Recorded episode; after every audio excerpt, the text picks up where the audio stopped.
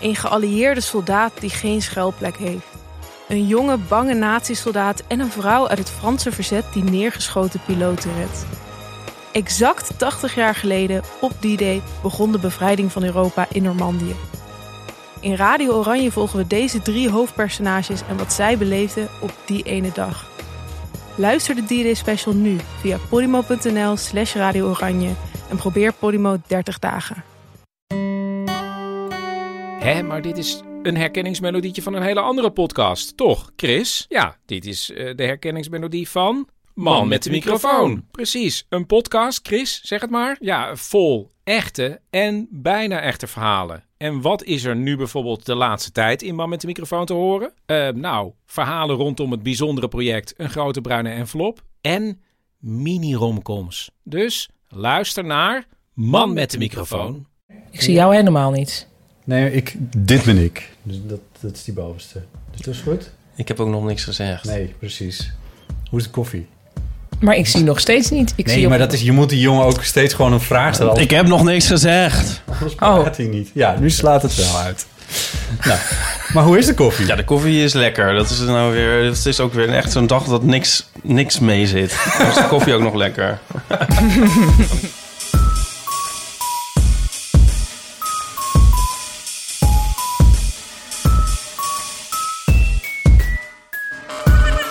Welkom bij de Heel van de Amateur, aflevering 43. Ik heb besloten dat dit het derde seizoen is. Eh, we gaan nu het derde seizoen beginnen. Want? Nou ja, omdat het een speciale aflevering is, maar er komt zo meteen Oh, vertel ik alles over. Er allemaal nieuwtjes en leuke nieuwe dingen. Eh, welkom Ipe Driessen. Bedankt. Eh, ik heb je hier met koffie naartoe gelokt. En Paulien Cornelis is er ook. Fijn om hier weer te zijn. Ik drink thee. Leuk. En ik ben verkouden, zeg ik meteen. Ja, Voor mij dat Dus mensen denken, hè? iets dichter in de microfoon. we hebben nu een Pauline Cornelis impersonator. Die niet Ja. echt lijkt, maar het Die is wel die, Pauline. net maar een iets, die, die een iets meer sexy stem heeft dan En- Pauline Cornelis. Ja, en dit, dit, dit klinkt een beetje formeel om dit nu zo aan je te vragen, maar dat is denk ik ook wel leuk. Eh, hoe gaat het met je programma?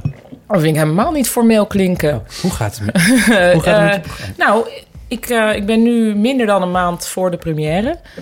Eh, zit ik. Dus dit is- zijn echt de laatste loodjes. En Première is een week. Ja, en dan ergens in die week komt de pers. Ehm, de schrijvende pers dus. Ehm, en dus ik ben nu echt aan het fijn slijpen. En ik, vond, ik heb net, vind ik, heel fijn opgetreden afgelopen week. Dus het gaat wel heel goed.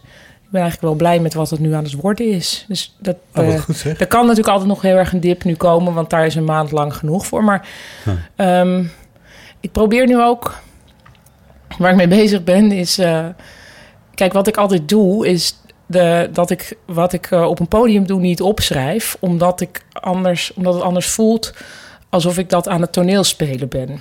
Of je iedere avond exact hetzelfde moet zeggen. Zoiets, ja. Ehm, en ook omdat ik natuurlijk ook schrijver ben. En als ik ga schrijven, dan wordt het meteen taal die je zou kunnen lezen. Hoewel ik eigenlijk heel erg in spreektaal schrijf. Dus, maar het zit, dat is een raar iets. En ik word ook altijd... Ik ben ook wat dat betreft misschien gewoon een raar soort theatermaker... dat ik altijd het gevoel wil hebben dat er echt iets gebeurt op het podium. Mhm. Dus dan dat er ergens een script zou liggen, dat, is dan, dat klopt daar niet mee. Terwijl uiteindelijk zeg ik natuurlijk heus wel min of meer hetzelfde elke avond. Dus dat klopt helemaal Maar niet. er is geen script van jouw programma? Nee, maar nu is er wel steeds meer, probeer ik toch wel iets eh, netter te krijgen, zodat ik niet eh, op cruciale momenten toch eromheen meander. Wat ik nu, dus dit soort zinnen als die ik nu uit, het geen zinnen zijn. Dat is heel jammer als daar ergens een grap in zit. Ja. En dat ik die dan niet maak, omdat ik er uit een soort echtheidsdrang omheen meander. Ja. Snap je? Oh. Snap je het? Zo van dat. Ik kijk ook even naar Ipe of Ipe het ook snapt. Ja, bij, Dat- bij mij dat- is het er- makkelijk. Er is, een, er is een punchline. En, en dat je dat dan, dat je die eigenlijk wil saboteren zelf, omdat een punchline te bedacht voelt. Ja.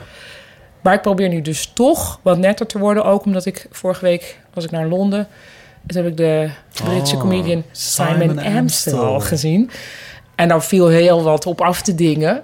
Waardoor ik er niet dodelijk onzeker van hoefde te worden. Maar het was wel...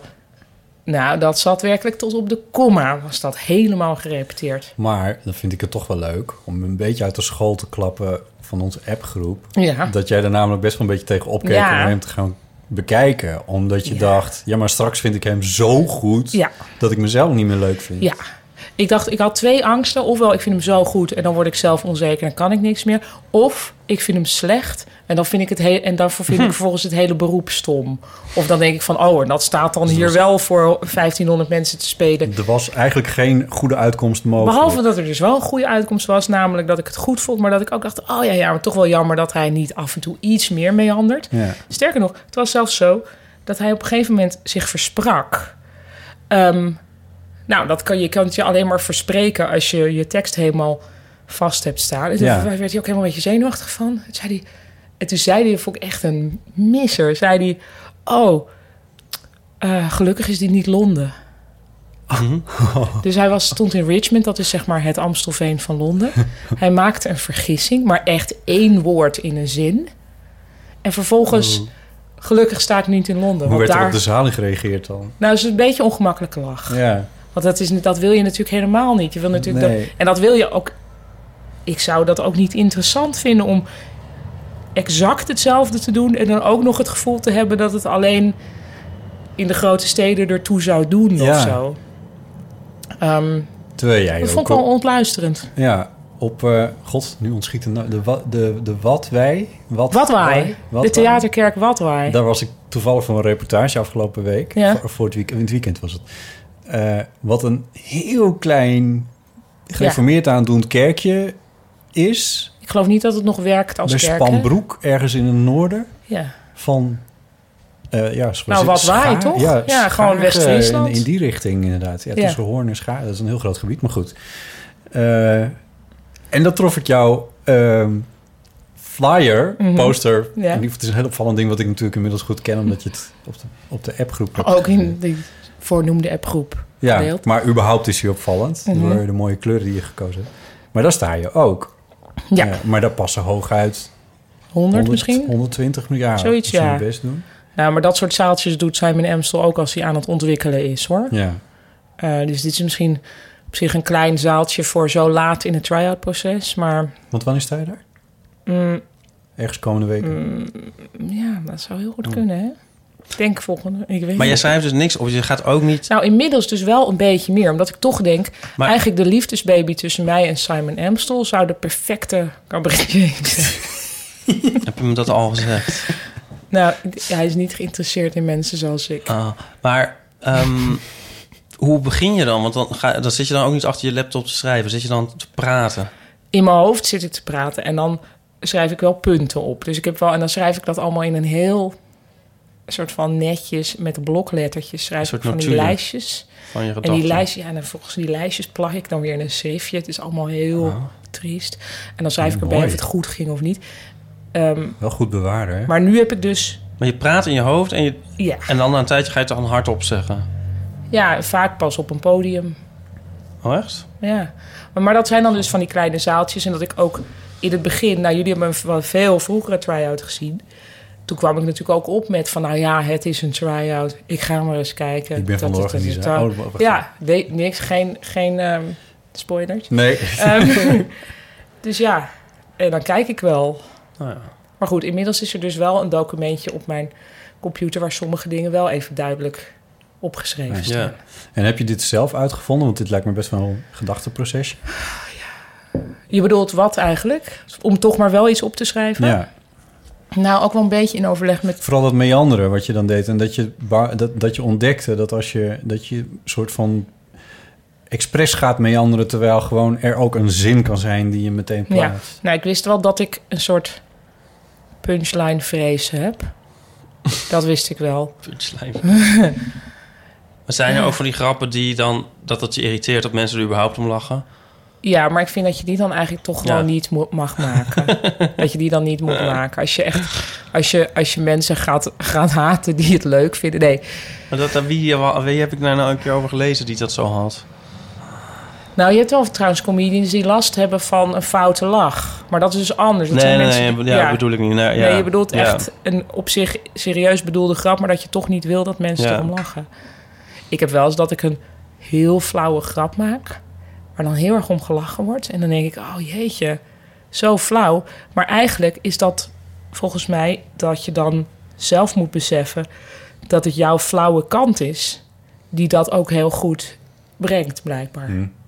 Heb je dat niet? Van dat, je, dat, je, dat je misschien wel zou willen dat je allemaal eh, super intellectuele. Nou, Ja. voorbeeld uit mijn vorige programma, zal ik dat even. Ja. Nou, dan had ik op een gegeven moment. Ik had dan eh, bij mijn Wij gaan vorige niet lachen.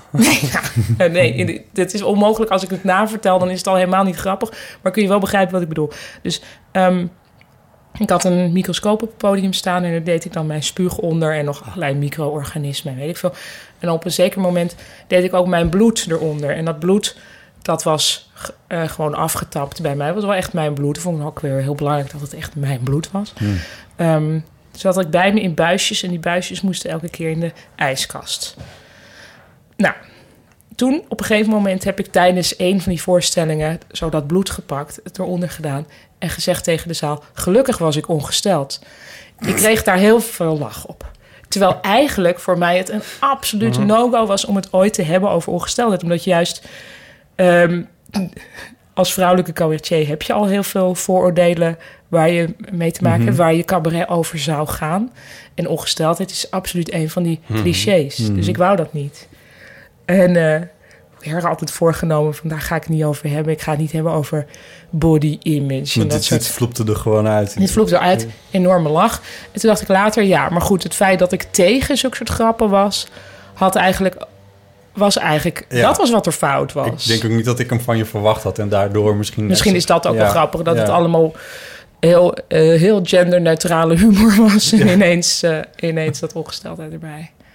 Dus dat, dat je soms moet accepteren van jezelf dat je ehm, ja, wat minder, ik weet niet, correct of zo bent. Hm. Je zit, Ipe, je zit, je zegt sowieso heel weinig, maar je zit wel heel veel, ja, kri nou, kritisch Nee, of kritisch. twijfelende blikken te Ja, nou nee, ik dacht aan mijn eigen eh, werk. Maar eh, zoals altijd. Of je hier misschien ook een strip over... Nee, eh, of nou, ik heb... Heb, maar of je foute homograppen maakt. Misschien Nee. flauwe homograppen. Nee, nou maar wel flauwe grappen. Maar ik had jullie in die appgroep... waar iedereen heel jaloers op is... Voor onze biografen, ja. eh, had ik jullie toch eh, dat scenariootje gestuurd... van dat, dat ik met Nico een café uitstap... en dat ik zeg... belach, ko- 3 euro voor een kop koffie, belachelijk. Weet je wel, dat Ja. stripje? En eh, dan kan ik hem wel afmaken voor de luisteraar... en dan zien we daarna heel dure schoenen... Oh ja. En dan lopen we daarna weer heel blij met tassen, van, die, schoenenwinkel. Helemaal blij en zo nog bij. En die, die grap vind ik dus eigenlijk... Dat zou me dus mateloos irriteren. Als iemand anders die zou maken. Een andere striptekenaar. Want dan zou ik echt denken, dit is geen grap. Dit is stom. Maar En wat dat doet er jou dan toch besluiten dat jij die grap wel mag maken? nou, dit heb ik namelijk heel vaak. Ik heb dus heel veel gooi ik weg op die manier. Alleen, ik zie dus... Het is echt heel slecht. Ik kan niet geloven dat ik het hardop zeg. Ik zie dus heel vaak die dingen heel veel scoren eigenlijk. Ja, ja, ja. ja. En nu had ik deze en ik dacht... Ja, eigenlijk uit voor een soort tv. Ik zat er heel erg veel te schetsen en ik had eigenlijk niks meer te schetsen. Dus En ik had dit als een soort aantekeningetje nog. Toen dacht, toen dacht ik, ik schets die. Toen Ja. vond ik het schetsje eigenlijk best wel leuk. ja. Dus nu denk ik van, nou, ik ga die gewoon maken. Want dat gaan mensen waarschijnlijk best wel leuk vinden. Maar nou, ik, ik heb Ja. er ja, nu al een soort haat-liefde. Maar als je altijd met, met je super intellectuele, gelaagde, dubbele bodems aankomt... die niemand leuk vindt, daar, dat vind ik ook niet... Dat is ook niet zo bevredigend. Nee. Er was, eh, je, je had Kees Storm natuurlijk heel Ja. lang, hè? Eh, de cabaretier die met eh, bruine ribfluwelen jasjes en eh, elleboog... Hoe heet dat? Paddings? Patches, van die, van die Ja, elleboogbeschermers. Of. Ja, precies. Je hebt een beeld. ja. Eh, die, nou ja, dat ging niet de hele tijd over Tolstoy of zo, maar dat waren wel altijd, dat waren geen set Geiken, maar woordgrappen die hij maakte. Dat ging Wel veel woordgrappen overigens. de hele tijd, maar ook Ja. echt dingen waar je echt, echt over moest nadenken. Ja. Waarbij, want dat- dat, is eigenlijk door, door hem, ik ben een keer naar een show van hem geweest. Hij speelt wel heel lang niet meer volgens mij, al bijna tien jaar niet meer. Maar- Iets, iets korter, maar geloof ik Ja. maar. Eh, maar bij een show van hem begon ik daar ineens over na te denken toen ik dacht, maar waar lach ik nou eigenlijk om? En toen, de- toen bedacht ik, ik lach omdat ik ontdek dat ik het snap. Ja, ja, ja. ja. Dat is natuurlijk een, een bekende lachtruc Ja. of zo. Maar bij, bij hem begon het me op een gegeven moment ook... Een, en ik vind, hem, ik vind hem echt heel goed. Maar bij hem dacht... Toen, toen ik dat, die realisatie ineens had... Toen dacht ik, dus nu stoort het me eigenlijk ook een beetje. Dus dan wil je Dat- eigenlijk ook dat hij er eh, iets anders tussendoor had gedaan... wat gewoon vanuit het Maar- hart Nou ja, of op zoiets. Ja, of waar ik op zijn minst daar niet... Dat ik daar dan niet meer over eh, nadacht. Want dan kom, sluit ik dus een beetje aan bij wat jij net zei. Van al die intellectuele grap als je dat de hele tijd doet. Nee, ja, maar Ja. intellectueel, ja, maar dat bedoel ik niet helemaal. Maar, maar je hebt soms grapjes, misschien juist wel, oké, ja, ik zei intellectueel, maar ik heb soms juist ook wel grapjes juist dan uit het hart of zo. Misschien voor een voor mij meer betekenend grapje Ja. die dan niet waar mensen veel lauwer op reageren of zo. En het, je wil eigenlijk dat de dingen die jij het leukst en best vindt, dat da- die je ook het, het, het beste doen.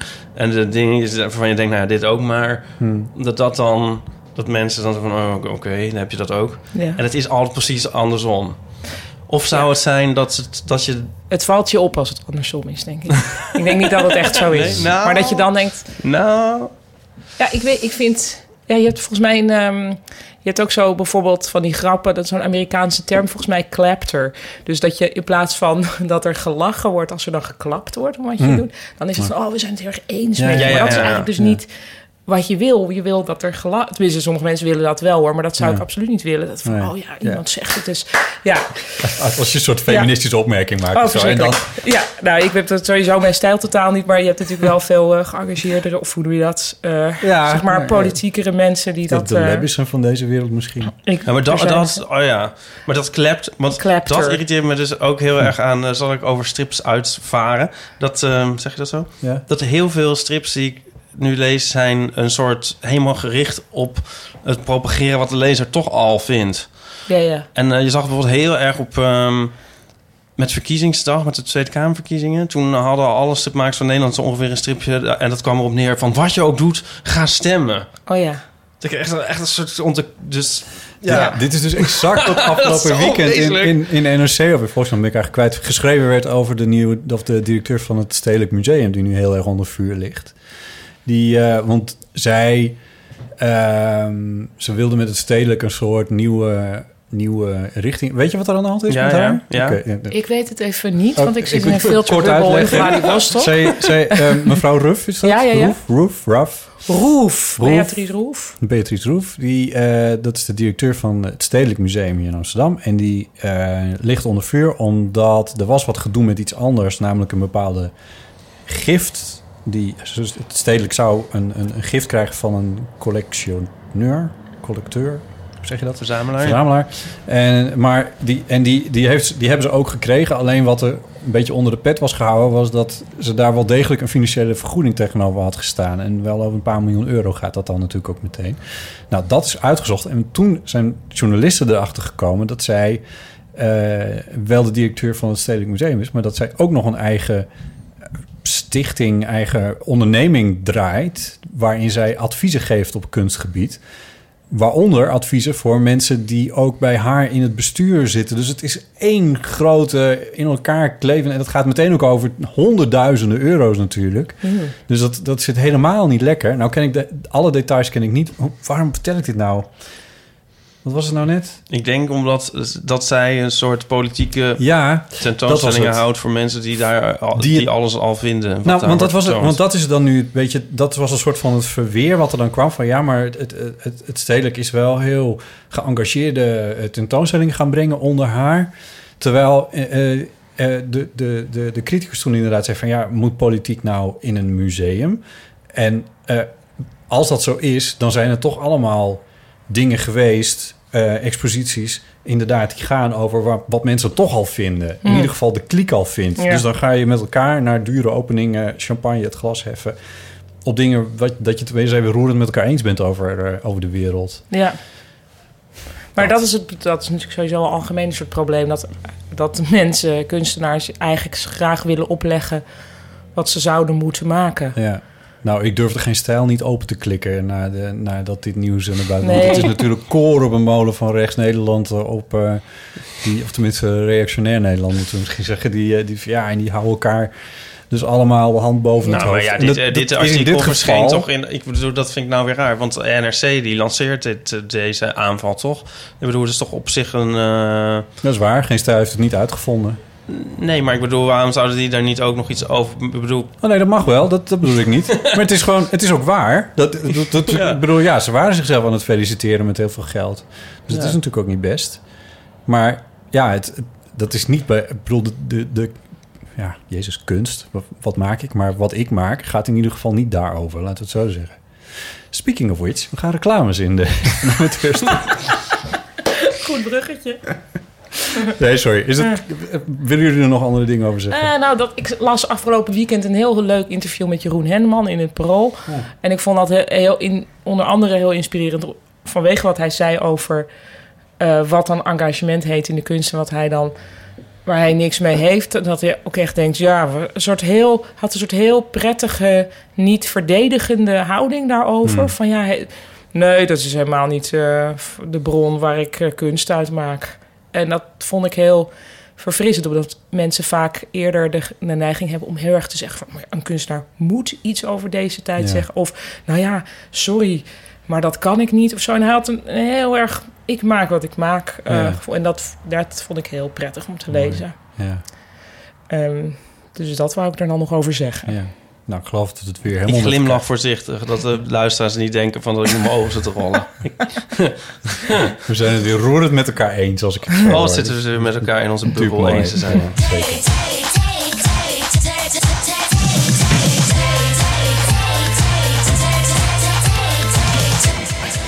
Heel goed, Botte, maar je had net een andere ingang. Eh, je wou het of niet? Ja, ik wou nog wel iets anders zeggen ook. Ja? Want eh, het is natuurlijk een beetje een feestje vanavond. Ja, Het is misschien, daarom hebben we er daarom allemaal hebben we- lekker op. ja. eh, pot thee erbij. ook, een pot thee. Maar, eh, want ehm, deel van amateur verhuist een klein beetje. Daar hoeft verder niemand iets aan te doen. Dat is het leuk. We houden een soort van hetzelfde adres. We gaan naar SBS. We gaan naar Dag en Nacht Media. Ehm, dat is een podcastplatform opgericht door eh, Anne Janssens en Tim de Gier. Twee jongens die daar ooit een subsidietje voor hebben gekregen, een start-up hebben gestart. En dat is heel succesvol allemaal uitgebouwd. Ehm, jij kent het ook omdat, Paulien, jij met eh Echt Gebeurd bij Dag en Nacht Media zit. Klopt. En ehm, eh, wie zit er nog meer bij? De, eh de Media Podcast van Alexander Oh, en gelukkig. Esther Fout Gelukkig. zit erbij.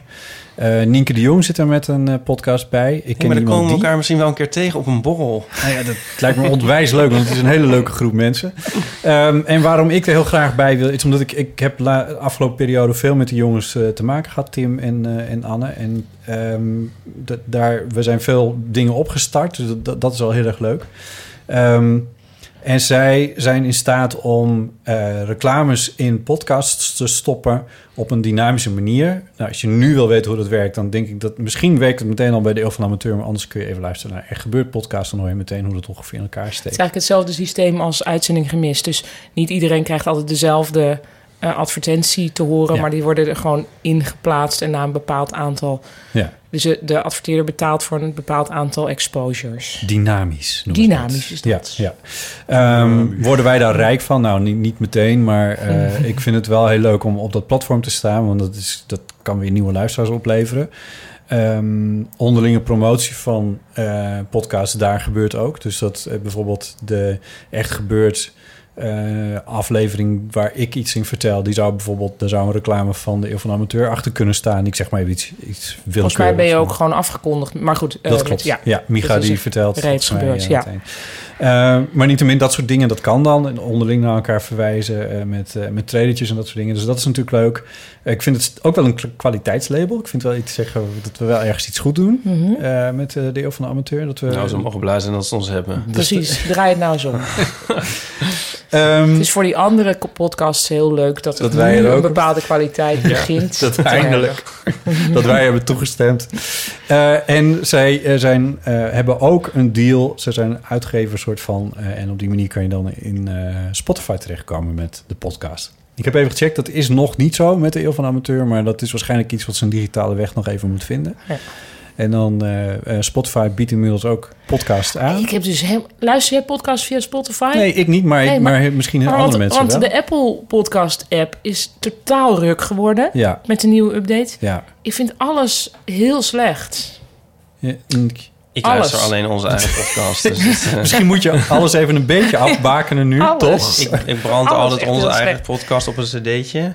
En die, eh, dat draai ik dan. Ik zet, ik zet op een cassettebandje. Ja. Nee, oh, dat nieuwe- zou trouwens leuke die nieuwe app, dat is echt Hey, een drama. Serieus, zou het niet leuk zijn om op een gegeven moment als een soort prijsvraagding... dat je dan een aflevering van de Eeuw van de Amateur op een cassettebandje kan krijgen? Oh, dat vind ik heel leuk. Super toch? Als de luisteraars dit ook Ja. willen, dan moeten ze dat zeker even laten weten. Een Ja. mailtje naar botten.bottenjellema.nl. Heel graag. Ja, cassettebandje is Ja. het onderwerp dan. Mailtje naar heel van de amateur dag en nachtmedia.nl. Kijken wat er dan gebeurt. Ehm, maar goed, ik vind het heel leuk dat we erin staan. Eh, inderdaad, het thee, de thee, het theezakje. Botten met... We hebben, eh, we hebben deze aflevering dus, dus, dus dat. Dat is op zich al, Oh ja. een, eh, al een feestje Ja. waard. We hebben straks ook nog een telefoon. Ja? Waar, waar, waar ik echt heel veel zin in heb, maar dat bewaren we even tot het laatst. En dan, eh, of tenminste, ja, dit, dit, dit Het- gaat waarschijnlijk tot- weer enorm uit de hand lopen. Ja. Maar we hebben ook nog weer een stuk of tien reacties op de mail gekregen. Waar we, Oh, deze- oh, het is, wel, we hebben het best wel Het druk. is een heel volle uitzending. Het heel- Gelukkig dat we het over kunst hebben Ja. gehad. Heel, ik moet... oh nee, nee, dat doe ik later. Wat? Ik, moet, ik dacht, ik moet heel even mijn telefoon checken of er niet... eh, want er Oh, dat- is een oppas. Oh ja, dan pak, Oh, pak je- ik even een... eh, is er drank? Er- de, ja, er staat van alles in de, in de Eh, koelkast. er, is, eh, er is geen noodsituatie. Dit is geen noodsituatie. Zou je het theezakje dan willen, willen voorlezen? Ja, ga ik doen. Oh. Eh, nou, dit, ja, het is weer een heel luie vraag, maar toch ook weer... De, de afdeling en management had weer niks te doen. Ehm, maar dit is de vraag. Wat is het avontuurlijkste dat je ooit hebt gedaan? Ik vind hem wel leuk eigenlijk. nou ja, maar het is ook zo... eh, Totaal geen vraag voor ons. maar, maar dat is dan weer iets heel anders. Ipe Driessen. Ik schiet me iets binnen. Ik weet niet of dat het is. En het klinkt misschien ook een beetje opschepperig. Ja, maar Dat is elk- ik avonturen denk- altijd. Ja, ik denk Ja. dat dit, dit, daar ontkomen we in dit geval even niet aan. Ik ben... het klinkt echt heel Ik onwaarschijnlijk. ben erg nieuwsgierig aan het worden. Ik ben ooit met zeg maar heel weinig kleding uit een eh, bij een date uit een huis zeg maar weggeslopen om door een raam zeg maar nog de rest van mijn kleren aangereikt te krijgen. Maar waarom moest je wegsluipen? Dit was in, In Bergwijn Rode Reis? nee, in, Ber- Oh. in, in Berlijn was dit. In Berlijn Ook grappig dat het ook begint met Ber en dat meteen denk Bergwijn Rode Reis. Dit soort dingen gebeurt alleen in Film, dit was, oh ja, in films dacht ik. Het was zo filmisch. Ja, ik was daar met een jongen en ehm, Is dit recent? Nee, dit is al jaren geleden. We waren in de...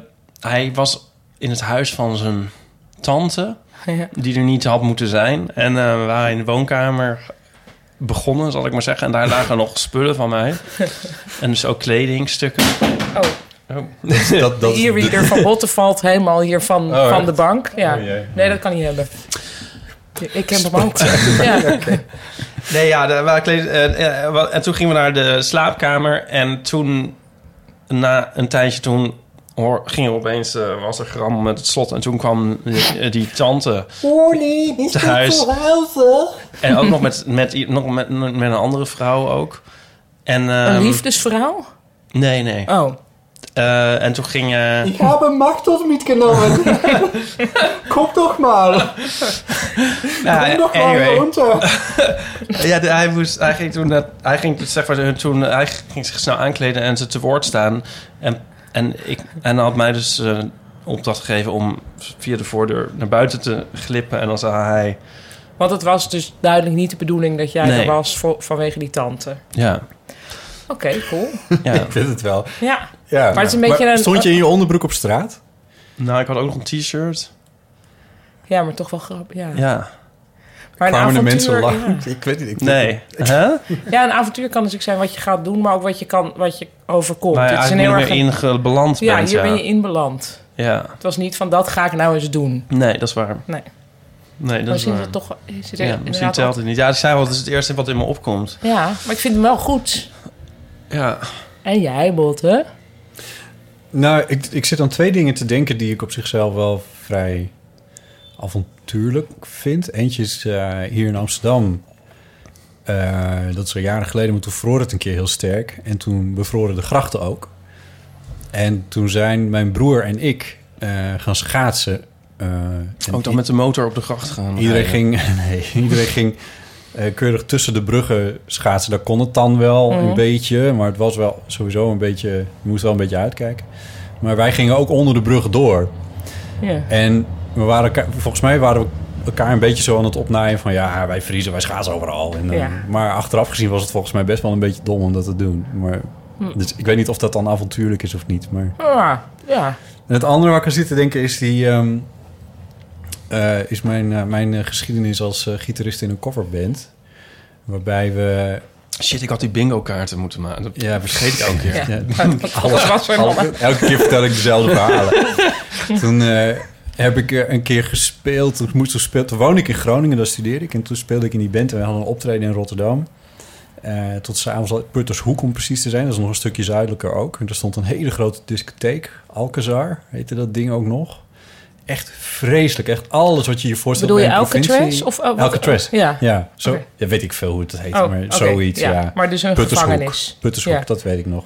Nou ja, en, en het was alles wat je je voorstelt bij zo'n, bij zo'n provincie-dancing.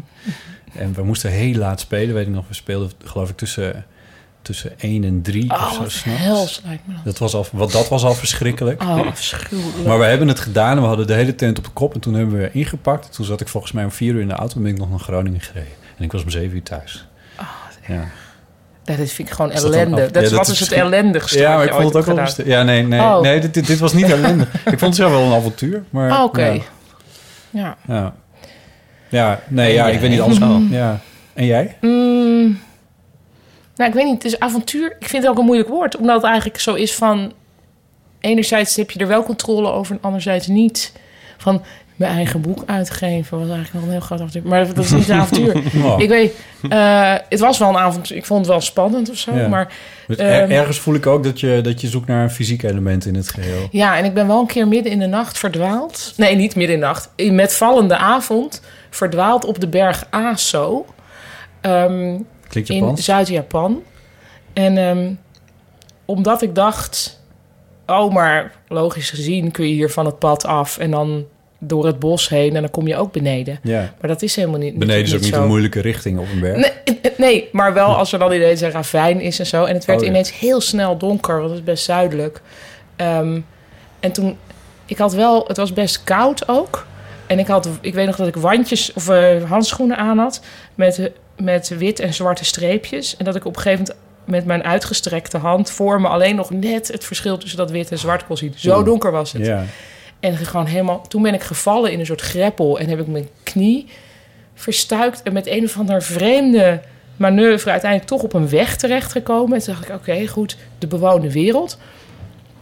En toen stopte er een busje met mensen erin en die zeiden, ben je op zoek naar de, naar de jeugdherberg? En dat waren dus mensen van de jeugdherberg die echt waren gaan zoeken van, Oh, echt? is ze hier? En dan zei ik, ja. En toen ben ik meegenomen. En toen, toen ja, was ik weer in veiligheid. En toen hoorde ik later dat daar ook nog beren zaten. Oh, dear. Maar dat wist ik gelukkig niet. Nee, maar dat, Maar dit was misschien als je het verhaal een volgende keer vertelt. dat ik dan moet beginnen met die Met de beren. beren, ja. Ja, maar omdat ik het niet wist, vond ik het niet eerlijk om dat al te zeggen. Ja, Want da- dan ja was maar het... Maar het is zo van goddelijke zelfoverschatting. Van ach, logisch gezien moet ik hier naar beneden kunnen... in plaats van gewoon de weg volgen. Oh, je was echt van de weg afgedwaald. Ja, van nou, ik denk hier, ik neem Ja. aan hier. Ja, Het is nu nog In- wel een beetje licht. in een soort Jap- Japanse roes. Ja. Kan je zo, ja, uiteindelijk was het toch Het is ook ook... een vulkaan, de ASO, overigens. Oh, mm, dus er had nog veel meer kunnen Had mis nog kunnen veel gaan. meer. Dit is al jaren geleden volgens mij, maar dat er iemand verdwaald was in de Ardennen en was overleden. maar het kan Het kan wel. overal. Het kan wel, maar het is inderdaad Ja. dan een soort zelfoverschatting. Ja. Ja. Ik vind wel, ik denk dat wij alle drie misschien niet een soort super avontuurlijke personen zijn, of wel? Wij zijn niet, we gaan niet... Ja, maar wat is dan het, het ideale avontuur? Nou, ik, vind, ik, versta, ik versta onder avontuur dan toch... Ja, dat, dat, precies daar denk ik ook aan. En aan Een elastieken naar beneden en zo in, ja, eh, bungee jumping ben ik dus in de gelegenheid geweest om dat te doen. Bij Ehm, Wie is de Mol? Bij Wie is de Mol, ja. Ja. En toen stond ik dus... he- Maar dat was ook extreem hoog. Ik vind Want ook de daar- Mol ook op zich ook wel een avontuur volgens mij. Is wel een avontuur, ja. Ehm, Maar toen stond ik daar boven en toen... Het was voor mij zo'n bevrijding dat ik echt heel duidelijk voelde... Oh, maar dit wil ik echt niet. Nee. Dus dan kan ik nooit meer hoeven te denken... Misschien wil ik dat wel. Nou ja, dat. Ja, ik zou, dat, maar dat bedoel ik eigenlijk. Ja, tenminste, oké, dat is wel mijn opvatting van avontuur. Want, wij, eh, want ik zie jou Eigenlijk ook niet alleen bungee bungee jumpen. jumpen. Nee, nee. nee, Zelfs ik heb, niet voor ik- twee advertenties bij dag en nacht media. Nee, nee, Nee. maar, ik, maar dat... Diepzeeduiken ook niet, nee. Nee. Dat lijkt mij superleuk. Maar ja, als je het kan. Ja, Ja, goed. Ja, je moet het ook Lijkt wel allemaal leuk om te zien. Ik wil wel in een duikbootje. Ik heb nee, dat wil ik ook ik heb niet mijn. Nee, motorrijbewijs niet eens. gehaald. Ik bedoel, het is niet dat ik Ja, helemaal dat niks doe. Ja, dat is nog wel een soort Maar- natuurlijk. Het is, eh, ja. Het is, eh, maar waar, waar ik, ik word zelf dus... Ik weet niet hoe jullie erover denken. Ik vind opstaan en naar de supermarkt Ja. gaan eigenlijk al een Het is avontuur. ook wel avond, hangt van de Speel dag met je leven. Ja. En eh, Bevallen. mensen die zeggen... Oh, ja, dat vind ik ook wel een aardig avontuur. Ja. Maar mensen die zeggen van... je moet alles een keer gedaan hebben. Totaal dat onzin. vind ik... Ja, dat dat vind ik zo'n domme uitspraak. Oh, nu kan ik twee dingen aan elkaar knopen. Heb je er een stripje over? Nee, want ik had net nog iets niet gezegd, maar dat, nu ga ik dat toch zeggen dan. Want ehm, ik ben een keer bij een optreden geweest van iemand, maar ik weet even niet wie. En die zei op het podium, ja, ehm, mensen, ja, eh, je moet... eh, elke dag moet je iets doen Oh, de, wat je eigenlijk niet durft. klinkt En als Joep van het Hek. Nee, het was een, art- een, een, een, een zanger en het was Engels, maar ik weet niet het Engels. Klinkt nog steeds als Joep van Hek. Dus eh, daarom eh, ga ik eens heel gek doen. En ik ga een eh, liedje helemaal onversterkt. Ik ga hier... en eh, als jullie nou heel stil zijn, dan lukt het misschien. En dit was in een Ja. grote zaal. Dit was... Ja. het was in de Heineken. Musical. Nou, ik, waar was dat? Wie, waar en wie was het nou? Dan kom je in de komende, ergens in de komende zes uur kom je daar wel want toen eh, sprak ik... daarna- hij was zeg maar de ene avond in Amsterdam en de andere avond in Rotterdam. En toen sprak iemand anders, die was in Rotterdam. En toen zei ik, ja, hoe, hoe vond je het? Ja, leuk. Ja, en bij ons deed hij zoiets unieks. Want... Oh, nee. Ja, ja precies dit. Precies dit. Ja, en eigenlijk vind ik dat hij dan toch aan zijn artiestenschap verplicht zou zijn...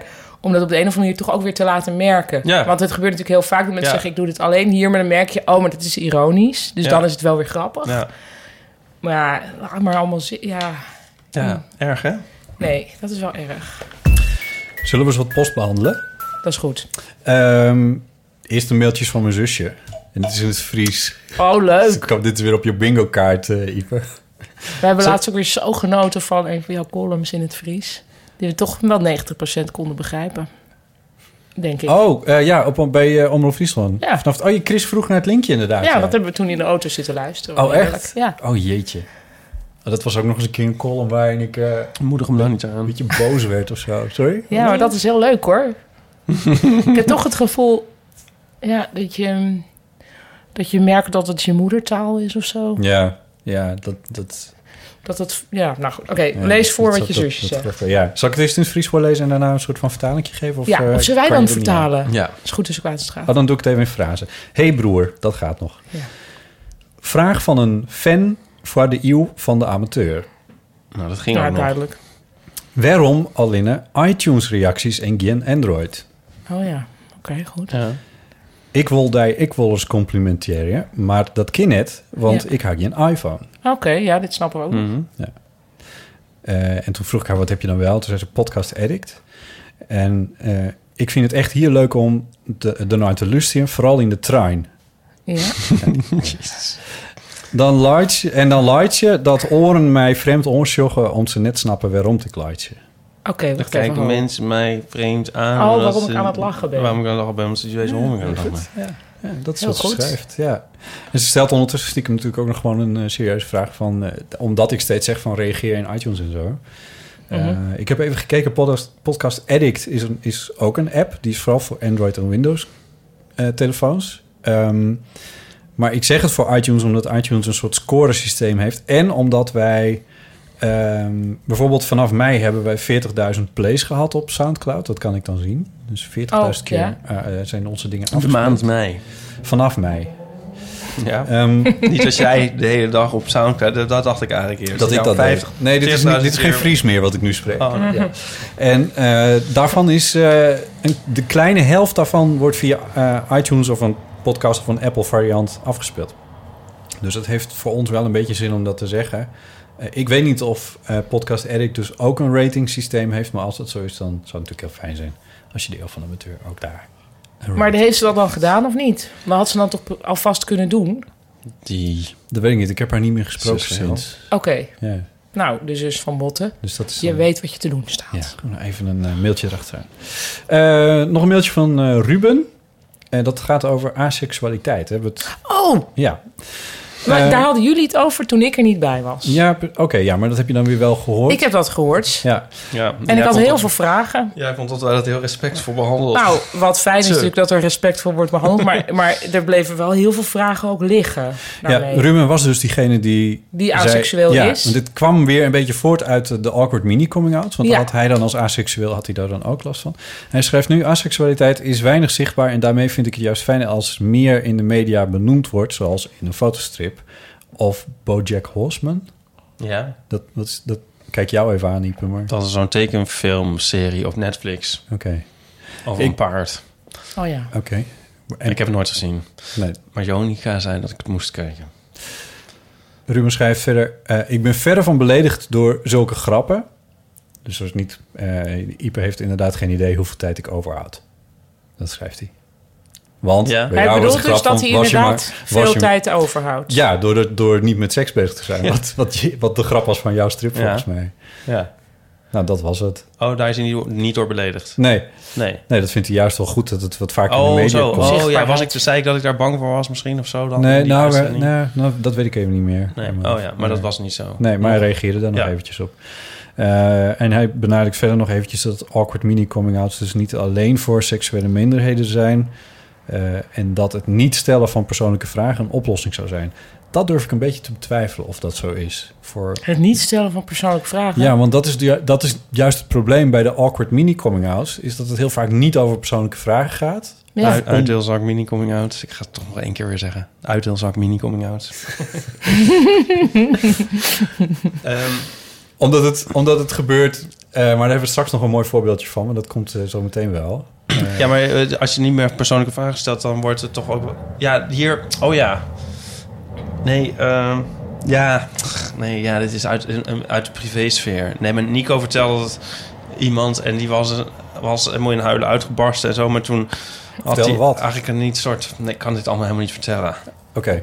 Maar je moet wel persoonlijke vragen soms stellen, toch? Ja, Want juist anders wel. kom je nergens in het leven. Nee, ja. ja. Maar la- laten we dit nog even Maar- een beetje Oh. opzouten. De awkward mini coming outs, want Ja. die komen straks nog weer op. Maar ze, legt hij ook nog uit wat het, want, wat het dan, eh, zeg maar, is? Asexualiteit. Ja, Nee, daar ging hij niet op in. want de- en misschien is dit typisch zo iets waarvan we als we dan dus over 30 jaar niks meer te doen hebben en in het bejaardentehuis zitten en dan deze podcast nog eens terug gaan luisteren, denken, jezus, hoe heb ik die, deze, Vraag deze, de, nou, maar vooral hoe heb ik nu kunnen uiten wat ik nu ga uiten? Namelijk dat ik ehm, denk, oh shit, sorry Ruben, maar ik, ik weet gewoon, dus is het dat je er niet mee bezig bent? Vind je de seks vies? Wil je wel liefde? Wil je wel zoenen? En inderdaad, dus de, wat jij Ja, blijkbaar een heel domme vraag vindt, trek je je wel af? Of masturbeer je wel? Was volgens mij dan een vraag waar hij zich aan Ja. ergerde of, of vond hij het onbescheiden dat mensen dat vroegen.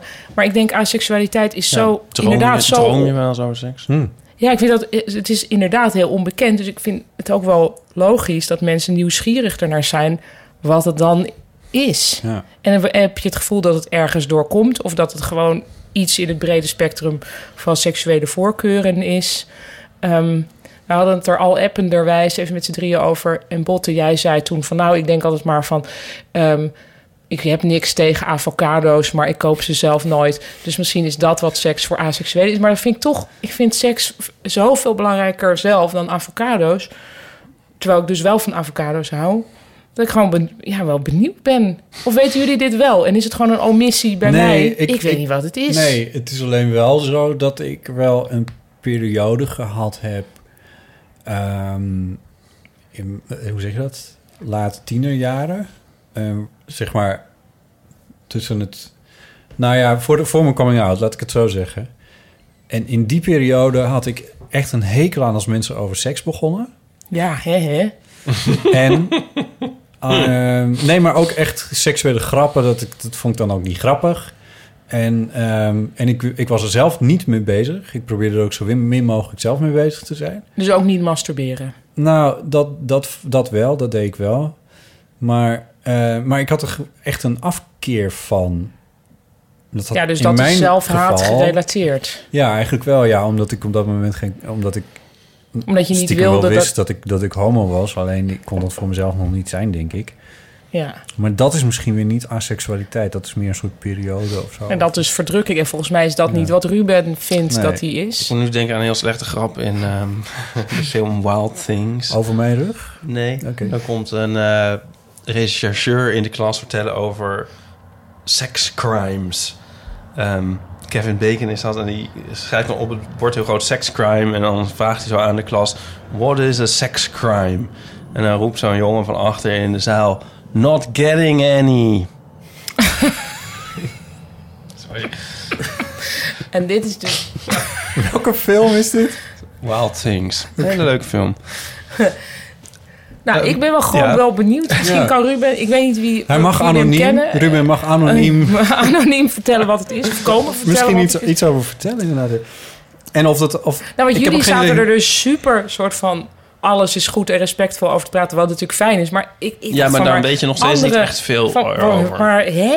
En inderdaad, wat jij ook zei, van moet je dan wel uit de kast komen? Want ik hoef toch ook niet uit de kast te komen met wat ik precies leuk vind in bed of zo. Nee. Ik kan me voorstellen dat het pas bij een potentiële partner dan handig is om te zeggen: Oh ja, eh, overigens, in het geval van Ruben, seks interesseert me niet. Ik wil eigenlijk wel alleen maar samen op de bank zitten. Misschien zeg ik nu weer een heel groot cliché over asexualiteit. ik, ik heb geen idee. Nou, ik ik het is- geloof niet dat ik iemand ken die, eh, die het is. Ik heb ook ooit zei iemand tegen mij: seks is leuk, maar samen Nova kijken is ook heel leuk. Nova. Nova, in die tijd nog. Eventjes wanneer, wanneer dit allemaal. Goed. Oké. ehm, Clary Polak. ik heb een keer iemand ontmoet die, of heb ik dit al eens verteld? weet ik niet. Die fan was van en Clary Polak en Gerard Joling. En dat vond ik zo Oh, moeilijk overlappende fan-diagrammen. Ja, Venn-diagrammen. Ja, zo weet je wel. want- ja, ja. Ja. Fan-diagram. Oh, dat is heel gek, ja. Brief dat, oh ja.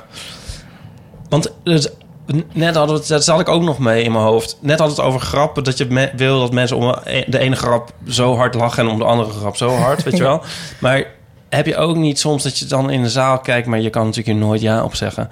En dat je denkt, jezus, Zit dit zijn hier? dit mijn fans? Ehm, eh, nou, ik weet wel natuurlijk... Het gekke is... Pas op. Je kan niet terugkaatsen. Heb jij dat wel eens? Nee. nou, het, is het gekke is, maar kijk, eh, is het niet Hans Dorrestein die ooit heeft gezegd: een zaal is altijd slimmer dan jij. Dus alle kennis gecombineerd in die zaal, die zaal weet altijd meer dan jij. Dus het is, het is, al- het- Behalve bij 1 tegen 100. Als Nee, de ene nog. wint tegen de 100. oh mijn god, Ja, ik heb hem weer ingefietst. Ja, Ja. nee, oké, gra- grapje. toch? Ja, nee, maar ik bedoel niet slim, maar ik bedoel meer dat je denkt van... eh, Ik ben soort- wel eens ver- verbaasd over de diversiteit van mijn publiek. Omdat ik altijd Ja. denk dat alleen ik kan begrijpen wat ik te vertellen Ja, heb. En toch precies. zit die zaal Nou ja. vol. ja. Ehm, ja, maar dat is met de klokkenluiden van de Notre Dame, zou ik maar zeggen, zit er dan weer in. En eh, niet dat dat erg is. Nee, ik bedoel, Ja. denk je niet... Nou ja, dus van, je hebt je niet zo'n was last ik van. niet, of focus je eh, op de leukste. Nee, eh, ja, ik, ik weet... Ik weet ik Jij niet vindt het leuk als ik pubers in je zaal zitten, weet Ja, ik. dat vind, ik, dat vind ik fijn. Omdat ik dan denk... Vooral in provincieplaatsen dat ik dan denk... Nou, ik daar zie je ook jezelf dan in. Ja, een beetje wel. Ja. Hoewel ik Maar helemaal niet uit de provincie... eraf? Omdat oh, je dan denkt... omdat ik dan denk van dat er dan dat het dan een puber is die denkt waarom waarom ben ik toch anders en Ja. dat hij dan iets kan herkennen in mij of Omdat zo. ook zo Voelt een beetje megalomaan, maar Ja, maar dan... toch- Ja. ik heb zelf in mijn puberteit een aantal voorstellingen gezien waarvan ik denk, Ja, oh maar ja, hoe kun je nou niet een zwak hebben voor pubers? Dat begrijp ik niet. Nee, nee, maar... Maar dus, Ja. dan heb je het idee dat die puber dus het wel op een andere manier... Dus de voorstelling is dieper doorgrond eigenlijk dan... eh, nou, dat het vormender is of dat pubers Ja, meer ja. gered moeten worden. Want zeg maar als je van middelbare leeftijd, weet ik helemaal niet hoor, of je van middelbare leeftijd dat je dan veel meer dan heb je toch meer keuze over je eigen leven. Ja, Ik weet maar er is, er is toch ook geen periode in het leven waarin er zoveel eerste keren zijn als Ja. in de puberteit. En, dat, en als je daar. Het voelt eervol om daar een deel Nou, van uit te ja, maken. Ja, David Cameron die had gezegd van eh, die had Desert Island Discs en wat hij dan voor platen mee zou nemen. En dan had hij gezegd de Smiths. En toen had Johnny Marr van de Smiths gezegd van eh, nee David Cameron, ik verbied je om de Smiths leuk te vinden. Ja, Wat heel kut. Maar ehm, dat. ik bedoel, zeg maar, zo- dus iemand kan Gerard Joling en Clary Polak leuk vinden, maar misschien Ja. vinden. Ik bedoel, het kan andersom ook gaan. Misschien vinden Gerard Joling en Clary Polak jou wel leuk. Ja, nee, dat kan. Waarschijnlijk zelfs. Ja, dat, nou, dat is toch ook oh. gek eigenlijk? Gek Ja, idee, toch? allemaal- dat ik heel het- gek Maar verschillende sowieso mensen- dat mensen die jou niet kennen, jou of, een- of jouw werk leuk vinden, is al super raar. ja. Toch eigenlijk? Nou, oké, jouw werk dan. Ja, Ja. bedoel ik. Ja. Dat, dat is al gek eigenlijk. Gek? En dat wordt dan, ja, vind ik wel. Dat je, dat je ergens komt waar je dus niemand kent. En waar dan mensen zijn die dan bereid zijn naar je te gaan luisteren Voor geld. Voor geld. Ja, maar dat ja, is de een- aandacht alleen al. Ja, ik weet, ja, dat is toch Nee, eh, ik- vreemd. Ik heb dat met, met, met podcast. Maar heb je dat met... eh, met... ja, met podcast zeg ik toch elke keer wel een keer van het van onbegrijpelijk dat mensen hier naar luisteren. ik wou zeggen. heb je dat met fotostrips niet? Dat je denkt van... Ja, jouw boeken Nee, maar, verkopen eh, ik bedoel, ja, maar dat vind ik net zoiets. Maar dat noem ik al psychotische episodes. Want soms ben ik ook helemaal versteld over het feit dat, we, dat er een schepping is en dat wij bestaan. ja, Ja. maar ik bedoel, ik vind het wel een Is soort gegeven van je maakt iets en dat wordt door mensen geconsumeerd of zo. Ja, dat en soms verbaas je daarover en soms niet. Hmm. Ja. Nee. Nou eh, ja, er is, het komt wel eens voor dat er mensen in de zaal zitten waarvan ik denk: hè, hoe kom jij hier nou? Ja, dat maar komt dat wel is eens dan voor. toch ook wel weer tof. Ja, behalve, eh, ja, ja, ik hoop dat er dan toch aansluiting eh, Ja, is of ja, zo. precies. Ja. Jongens, we moeten even door, anders Ja. komen we er nooit. Ja. Deze richt ik een klein beetje ook aan jou, Ipe. Want Oh. het, is, eh, het is niet dat hij jou nog specifiek aanspreekt, maar, maar waarschijnlijk... Maar hij is heel Dit- knap. Eh, nou... Ehm, Marco schrijft, allereerst grote complimenten voor je podcast... die ik altijd met veel plezier luister. Alsof ik bij jullie aan tafel zit. Hoop dat jullie dit volhouden. Daarnaast ook een vraag van mijn kant. Ik weet dat je al heel veel vragen hebt gekregen... maar ik hoop deze toch, dat je deze toch kan behandelen... samen met Ipe en Paulien. Niet lang geleden heb ik mijn hamstertje van 2,5 jaar... moeten laten inslapen. Dat is best oud voor een hamster, of niet? Nou ja, goed. Ja. Dat weet ik niet. Wat een harteloze opmerking. Hij was echt mijn kindje. Ik was, ondanks een druk leven, altijd met hem in de weer. Sindsdien mis ik hem dan ook ontzettend. Zin om even een knuffel te geven. Zijn snuitje zie ik nog steeds voor me. Natuurlijk zal dit de komende tijd nog wel slijten. Maar ik ben heel benieuwd of jullie, als echte dierenvrienden, tips hebben hoe om te gaan met dit soort gevoelens omdat het maar een hamster is, hou je na een paar dagen toch over op tegen anderen. Maar ik ben zeker benieuwd of jullie me misschien kunnen helpen. Jeetje. Dat is echt Ja, verslag. ik heb dit zelf gek genoeg eh, eh, min of meer meegemaakt met mijn kat. Nou, ik heb een aantal katten gehad, die dus allemaal ook inmiddels dood zijn, maar, ehm, maar dat ligt aan mijn leeftijd. En Marco is misschien wat jonger. Anyway, ik had dus ook een kat, die, is, eh, die was dus weg. En toen heb ik moeten accepteren van ze zal wel dood zijn. Hm. Dat heeft allerlei, heb ik allerlei stadia doorlopen daarmee Van rouw. van rouw en van toch nog zoeken en weet. En toen heb ik er 2,5 jaar later teruggekregen. Oh ja. 2,5 jaar. Ja. Omdat ze gechipt was. Dus ik werd ineens opgebeld van je kat is hier. Ehm, toen Ja, wij doen niet super verbaasd omdat wij dit al nou ja, weten. ik was natuurlijk heel erg... Maar het, het was wel heel vreemd. Van, omdat wij dus dachten van je was toch dood of zo. En toen was ze er ineens weer. En ze is gewoon exact hetzelfde als vroeger. Als- Ehm, nou goed, dit heeft weinig te maken met rouw. Eh, Ja, dit helpt Marco ook niet, want deze komt dus niet terug. Ik kan Marco niet helpen, want ik ben dus ook echt hyper sentimenteel. En ik heb wel eens eh, me gehecht aan een springhaan. hm. ja. Die eh, bij ons op het balkon zat heel lang. Ik heb een keer iets heel zieligs met een diertje meegemaakt. We hadden een hondje op de boerderij. Een heel leuk, eh, heel speels hondje. ja. En die liet ik uit op zondagavond. En ik had hem niet aan de lijn. Ja. Eh, maar dat komt met dat diertje over het algemeen wel. Behalve als je een haarsje in het land zag. En hij zag een haarsje in het land en vlak voor een auto Oh, eh, schoot hij de weg over richting het huisje. En dat zag jij. En dat zag ik. En ik heb hem zo aan mijn arm, heb ik een kilometer, moest ik mee naar huis lopen. Oh. Het diertje heeft nog even geleefd. En toen, op de vriezer is hij toen uiteindelijk... Op de wat? Op de vriezer, ja, die vriezer die, Oh. staat, die stond dan in de bijkeuken. En, de- en daar, stond, daar ja. hadden we dan, had ik hem dan even neergelegd. Toen is hij Maar daar was ik ook, ja, daar ben ik, daar ben ik wel echt heel erg verdrietig, eh, Ja. verdrietig over geweest. Ik Hoe oud was je toen? Uh, 14, 15 of zo. En toen, Hoe oud is Marco? Dat, dat staat er niet bij. Maar je, ja, het slijt of zo. Ja, de tijd eh, doet het meeste werk. Maar wat Ja. met, met zwaar verdriet, wat mij betreft toch altijd wel heeft geholpen... is als je echt denkt van dit wordt nu een obsessie... ik functioneer verder niet meer... dat je dan met jezelf, Marco, een tijd afspreekt op een dag... dat je hier verdrietig over mag zijn. En dat klinkt een beetje streng. En dat lukt misschien ook niet helemaal. Maar dat je niet... Wat je niet moet proberen is de hele tijd wegdrukken dat je hier niet verdrietig over zou mogen zijn. Hmm. Dus dat niet heet dat je verdriet wegdrukken, maar Ja. als je overdag denkt, ik voel me hier nu heel verdrietig over.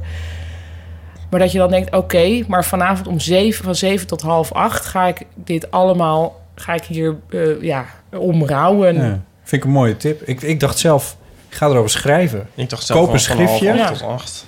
Koop een schriftje en schrijf alles op wat je je kan herinneren. Dat kan dan misschien inderdaad tussen zeven en half acht. Ja. Wat je je kan herinneren over deze specifieke hamster.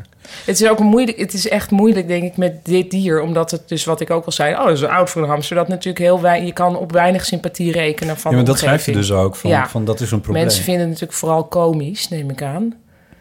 Dus ja. eh, ja, en je kan het zelf natuurlijk ook niet. Je durft het zelf ook niet aan een ander te vertellen. Dus ja, je- ja, het is ook een beetje gênant, maar ik ben nog steeds Het verdrietig. klinkt bijna als, zeg maar, Ik heb een het ook grap. met spullen zelf. Hebben jullie dat ook? Ja, Ik ook heel erg eh, dat van alles kan toedichten en daar ook heel ja vreselijk- zielig om weg te gooien. ja. heel vervelend, ja. Ik zou wel willen dat eh, ik dat niet... Maar ja, we het nu het zou over fijn die, zijn als je daarvan afkwam. Nou, die iMac met vocht in het beeldscherm? Nee, nee. Wat? Nee. Nee, oh, nee, ik weet dat jij een iMac zijn. hebt met vocht in het beeldscherm. Ja. Die je maar niet wegdoet. Nee, dat is iets anders. Nee, maar dat is omdat ik er misschien nog wel 100 euro voor kan krijgen. Die thee is bijna koffie trouwens. inmiddels. Ja, nou ja. Maar, wat, maar Nou, vertel... ik hoop maar- dat- Nee, niks. Oh. Nee. Want ik, ik, nee, maar ik wil jou daar eigenlijk ook wel eventjes hierover horen. Hoe je dit... Oh, maar heb ik niet al iets gezegd? Ja, dat je, dat je bijvoorbeeld ook hecht aan een, aan een springkaan. Maar wat, dan wat gooi je heeft er weer een Marco gulle eraan? lach uit. Maar, je moet het, ja, maar hoe deal je je daarmee dan? Als je je ook hecht aan spulletjes en... en Nou, eh, dat is een... eh, ik bedoel, ik zou willen dat het niet... Ik heb alles al gezegd. Ik zou willen dat het niet zo was. En het is niet zo... Het is een vervelende eigenschap voor jezelf, denk ik. Zo'n soort... eh, sentimentaliteit noem ik het dan maar. Of zo. maar, Maar- maar, wat doe je? Wat, hoe, Nou, eh, dat is de basis van eh, mijn kunst. ja? Nee, ik zeg maar bewijzen van. Hmm, ik bedoel, maar wel je- een nou, beetje misschien. een beetje. En ik bedoel, ik zou dan, eh, ik bedoel, ik lees dan Gerard Reven en dan, eh, dan is die nog veel erger en dan maakt hij het ook weer tegelijk ook belachelijk en dan moet ik lachen en een beetje huilen en dan eh, helpt dat Hmm. ook. Ja.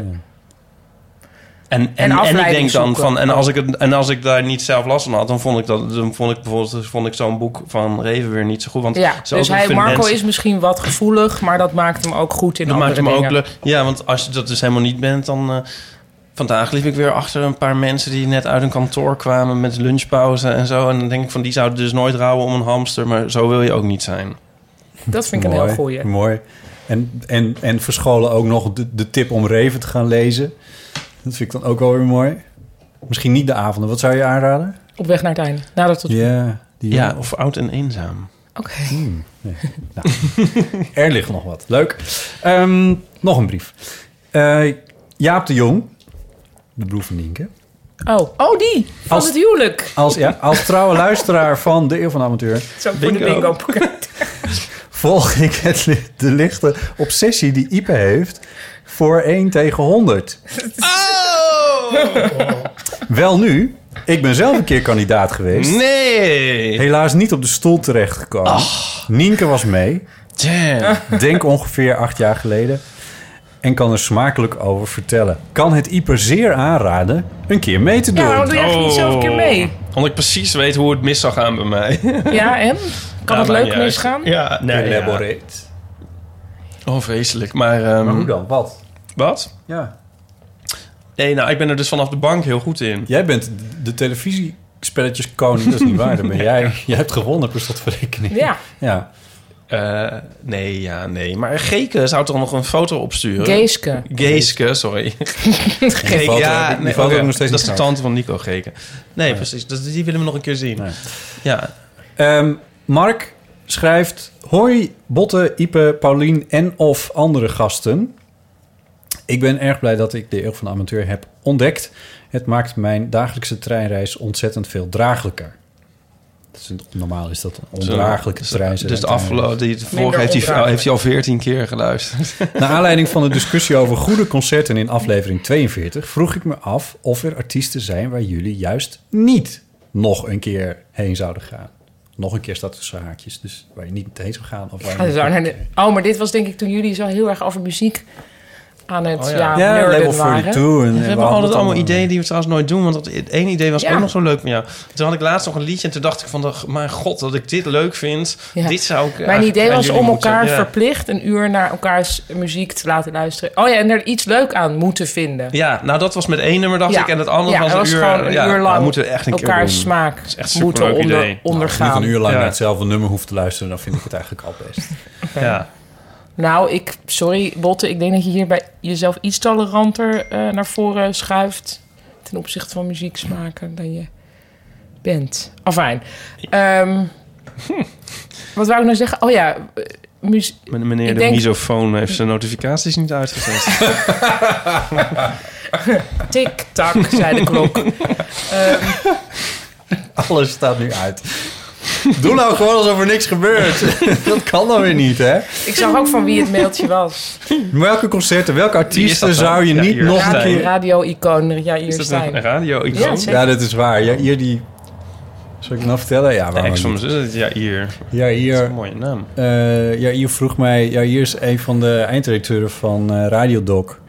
En, en eh, die vroeg of ik binnen een maand nog een radiodocumentaire zou kunnen maken. En ik heb hem wat ideetjes gestuurd. Ja. Het is natuurlijk een godsonmogelijke opgave. En het is ook niet verstandig om het te doen. Maar stiekem haal ik er altijd heel veel, heel veel genoeg Het is uit. ook lekker een deadline, gewoon even Ja. bam. Precies. Ja, als het, ik bedoel, als je het een maand geleden had gevraagd... dan was je ook nu pas begonnen. Nou, dat is niet waar bij een radiodocumentaire, maar dat maakt niet zoveel uit. Eh, dat is waar je hier nu even een berichtje over stuurt. Wat ik in de gauwigheid niet heb gelezen, maar dit gaat verder ook... dit- Niemand vat aan. Wat wel belangrijk is, is de vraag van Mark. Maar Zijn er artiesten waar je juist... meer heen? Bij er zijn we al een keer geweest, maar dan dacht, dat viel zo tegen dat je dacht, dit nooit Dat weer. doe ik dus nooit weer. Ja, oh, daar heb ik wel eentje. Dat was eh, Dirty Loops. Eh, dat is een eh Zweeds, hysterisch eh conservatoriumbeentje... dat hele interessante filmpjes maakte op eh, YouTube. Waarvan ik dacht, oh, dit is echt heel gaaf. En eh, dat werd ook heel veel gedeeld onder muzikanten en zo. En die traden op eh, in de niet meer bestaande Noordse Jazz Club in Amsterdam. Had ik kaartjes voor gekocht. Dus ik was ik had heel veel zin in. Ik denk van, nou, dit gaat echt een hele leuke, gave, beetje freaky avond worden. En uiteindelijk zat ik echt naar een tape-act te, lu- te luisteren. Dus er kwam van alles kwam van band en zo ineens. En dus Oh. stonden de helft van de dingen stonden ze maar live te spelen. En de andere helft kwam van band. En toen dacht ik, nou, jullie vallen nu wat mij betreft echt enorm door de mand. Hier heb ik echt, dit vind ik echt, vind ik heel stom. Hm. Dus daar ga ik echt nooit meer naartoe. Oké, jij? Oh, of jij? Nou, ik, eh, pff, ik, nou, nee, maar dit is, ik ik ben niet zo'n muzieknerd, hè. Dus als ik ergens heen ga, ja, ik hou gewoon niet van heel veel mensen en heel hard en heel vol en dus al dat soort dingen niet. Maar daar ben ik, ga ik ook al nooit heen. Nee, de vraag was duidelijk niet aan mij gericht. Oh ja. ik, ik kan wel eentje zeggen om iedereen tegen het zere been te schoppen. Ik ben wel eens eh, heel erg FOMO met vrienden meegegaan naar Nick Cave. Oh, Dat stom als dat. ja.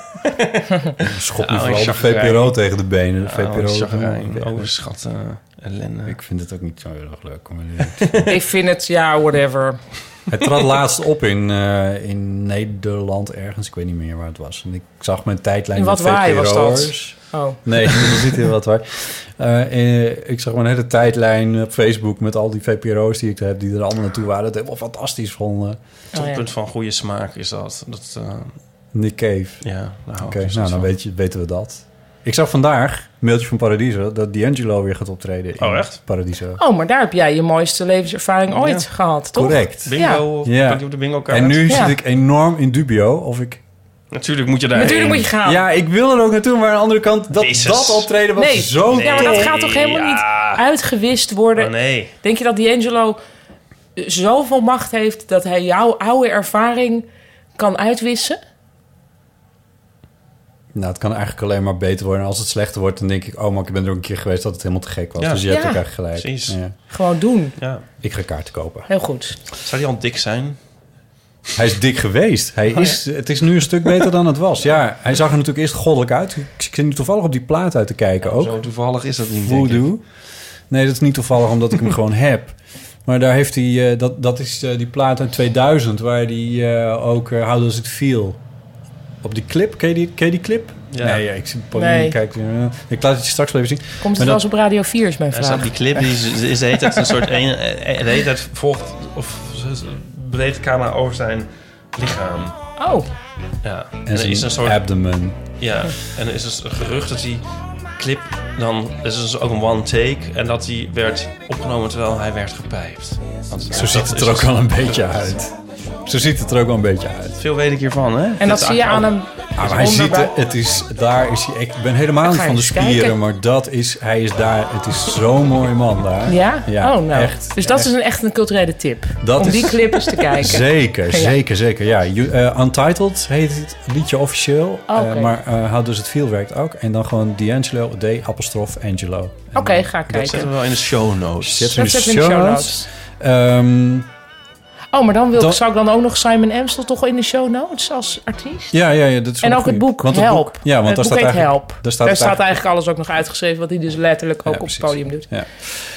Maar over D'Angelo zou ik nog zeggen, dat was in 2000. En daarna heeft hij de hele tijd over gedaan om met weer iets te komen. Dat heeft uiteindelijk 14, bijna 15 jaar geduurd. En in die periode... Is hij eh, dik geworden en weer afgevallen? Aardig uitgedijd. Maar toen ik hem dus inderdaad op het podium zag, eh, twee jaar geleden in Paradiso. Tweeënhalf, anderhalf jaar geleden.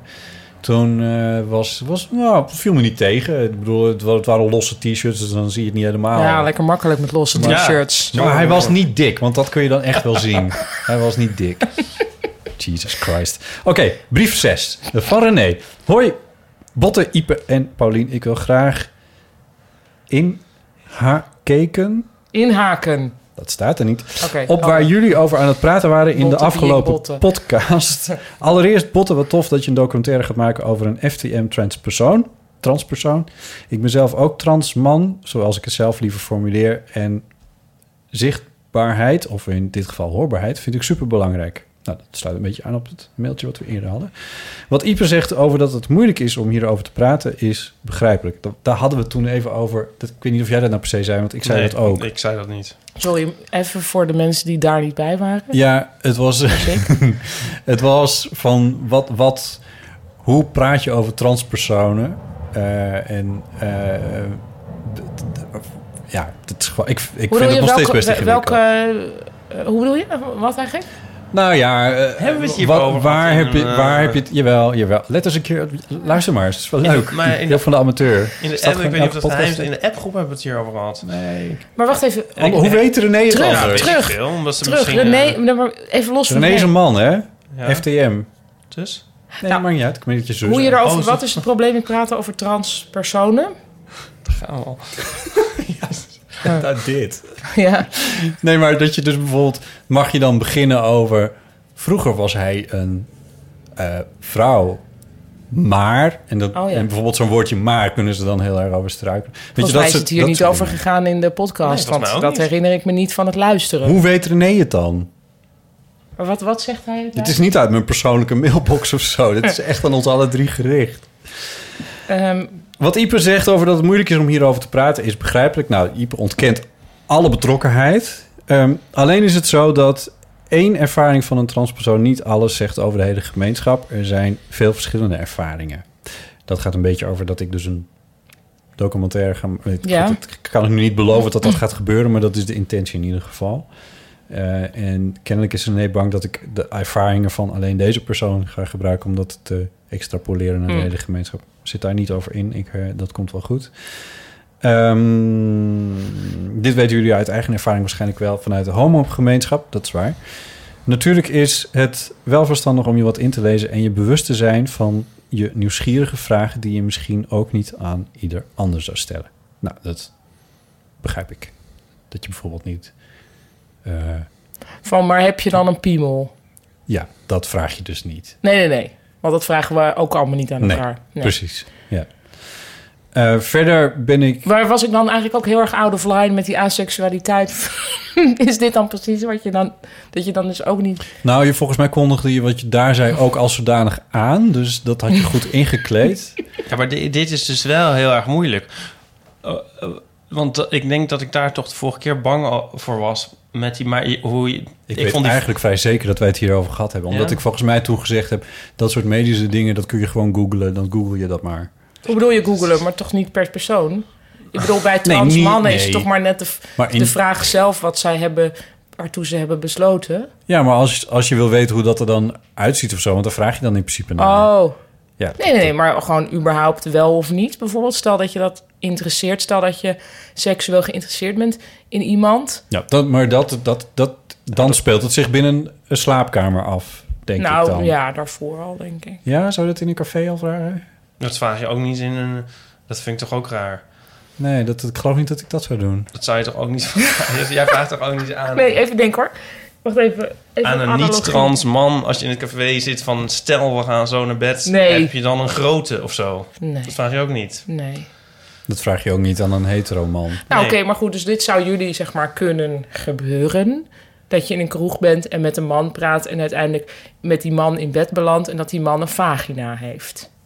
Ja, En dat en wat. maar dat zou jou Wat? dus ook kunnen gebeuren. Ja, behalve dat je een relatie hebt, maar ik bedoel... Ja, nee, maar jullie ja. zijn heel erg zeg maar, nou niet anti-vagina of zo, maar niet, niet geneigd tot de vagina. Hoe noem, eh, ik- Ja. toch? Of denk je dan, Ja, ik... ik ja, Oké. het is- geen idee. oké, Nee, dat, dat zou ik niet weten. Dat zien we dan wel weer. En, Ja. en nee, dat... ja, dat zal dan ook wel. maar ja. maar, maar dat zou ik niet een reden vinden om dan in de, in, de, in de kroeg daar al naar te informeren of zo. In zijn algemeenheid, Nee. denk ik. Ik ken zo'n grappig verhaal. Want dan. Sorry. Oh nee, dat is ook... Dat kan niet. dat is nou weer... een- Oh, dit, dit, moet even, dit moet even na de opname. Nee, ja. Eh, maar wat is Ja. dan, wat is het? Oh, kun je Nee, wel ja, iets? nee. Anders praat ik er gewoon overheen. Ehm, want wat, dit is dus wat moeilijk is aan praten over transgender. Nee, nee, volgens mij, nou, het is veel subtieler. Want ik vond dat, want dit is volgens mij, wat jij net zei over maar.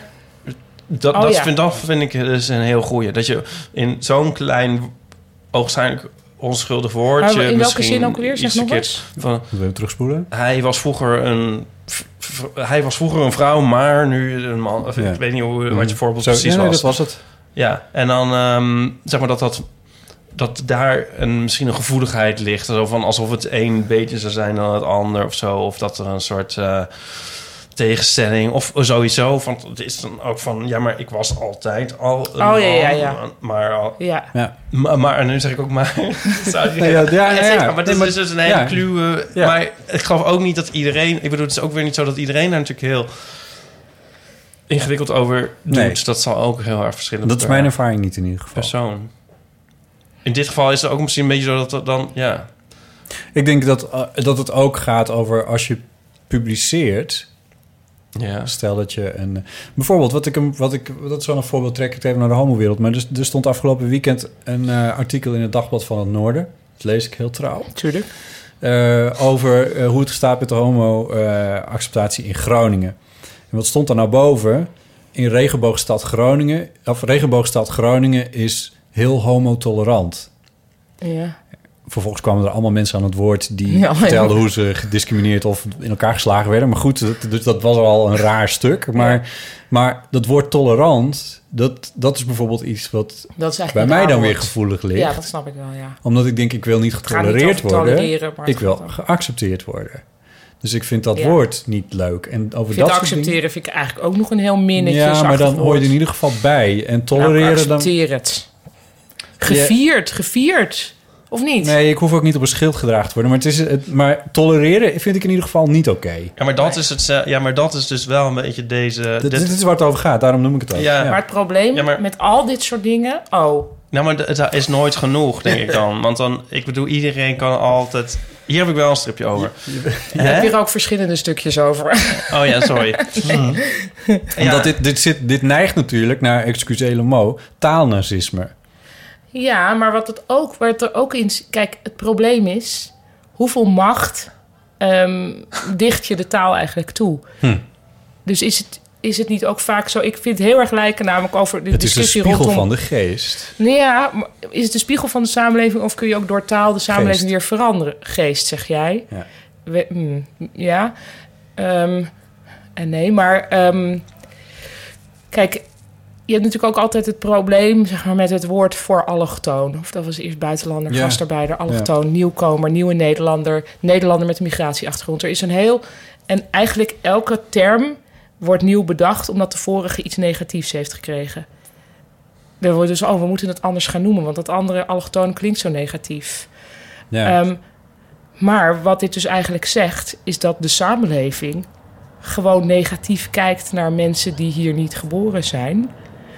En daardoor wordt dat woord negatief. ja.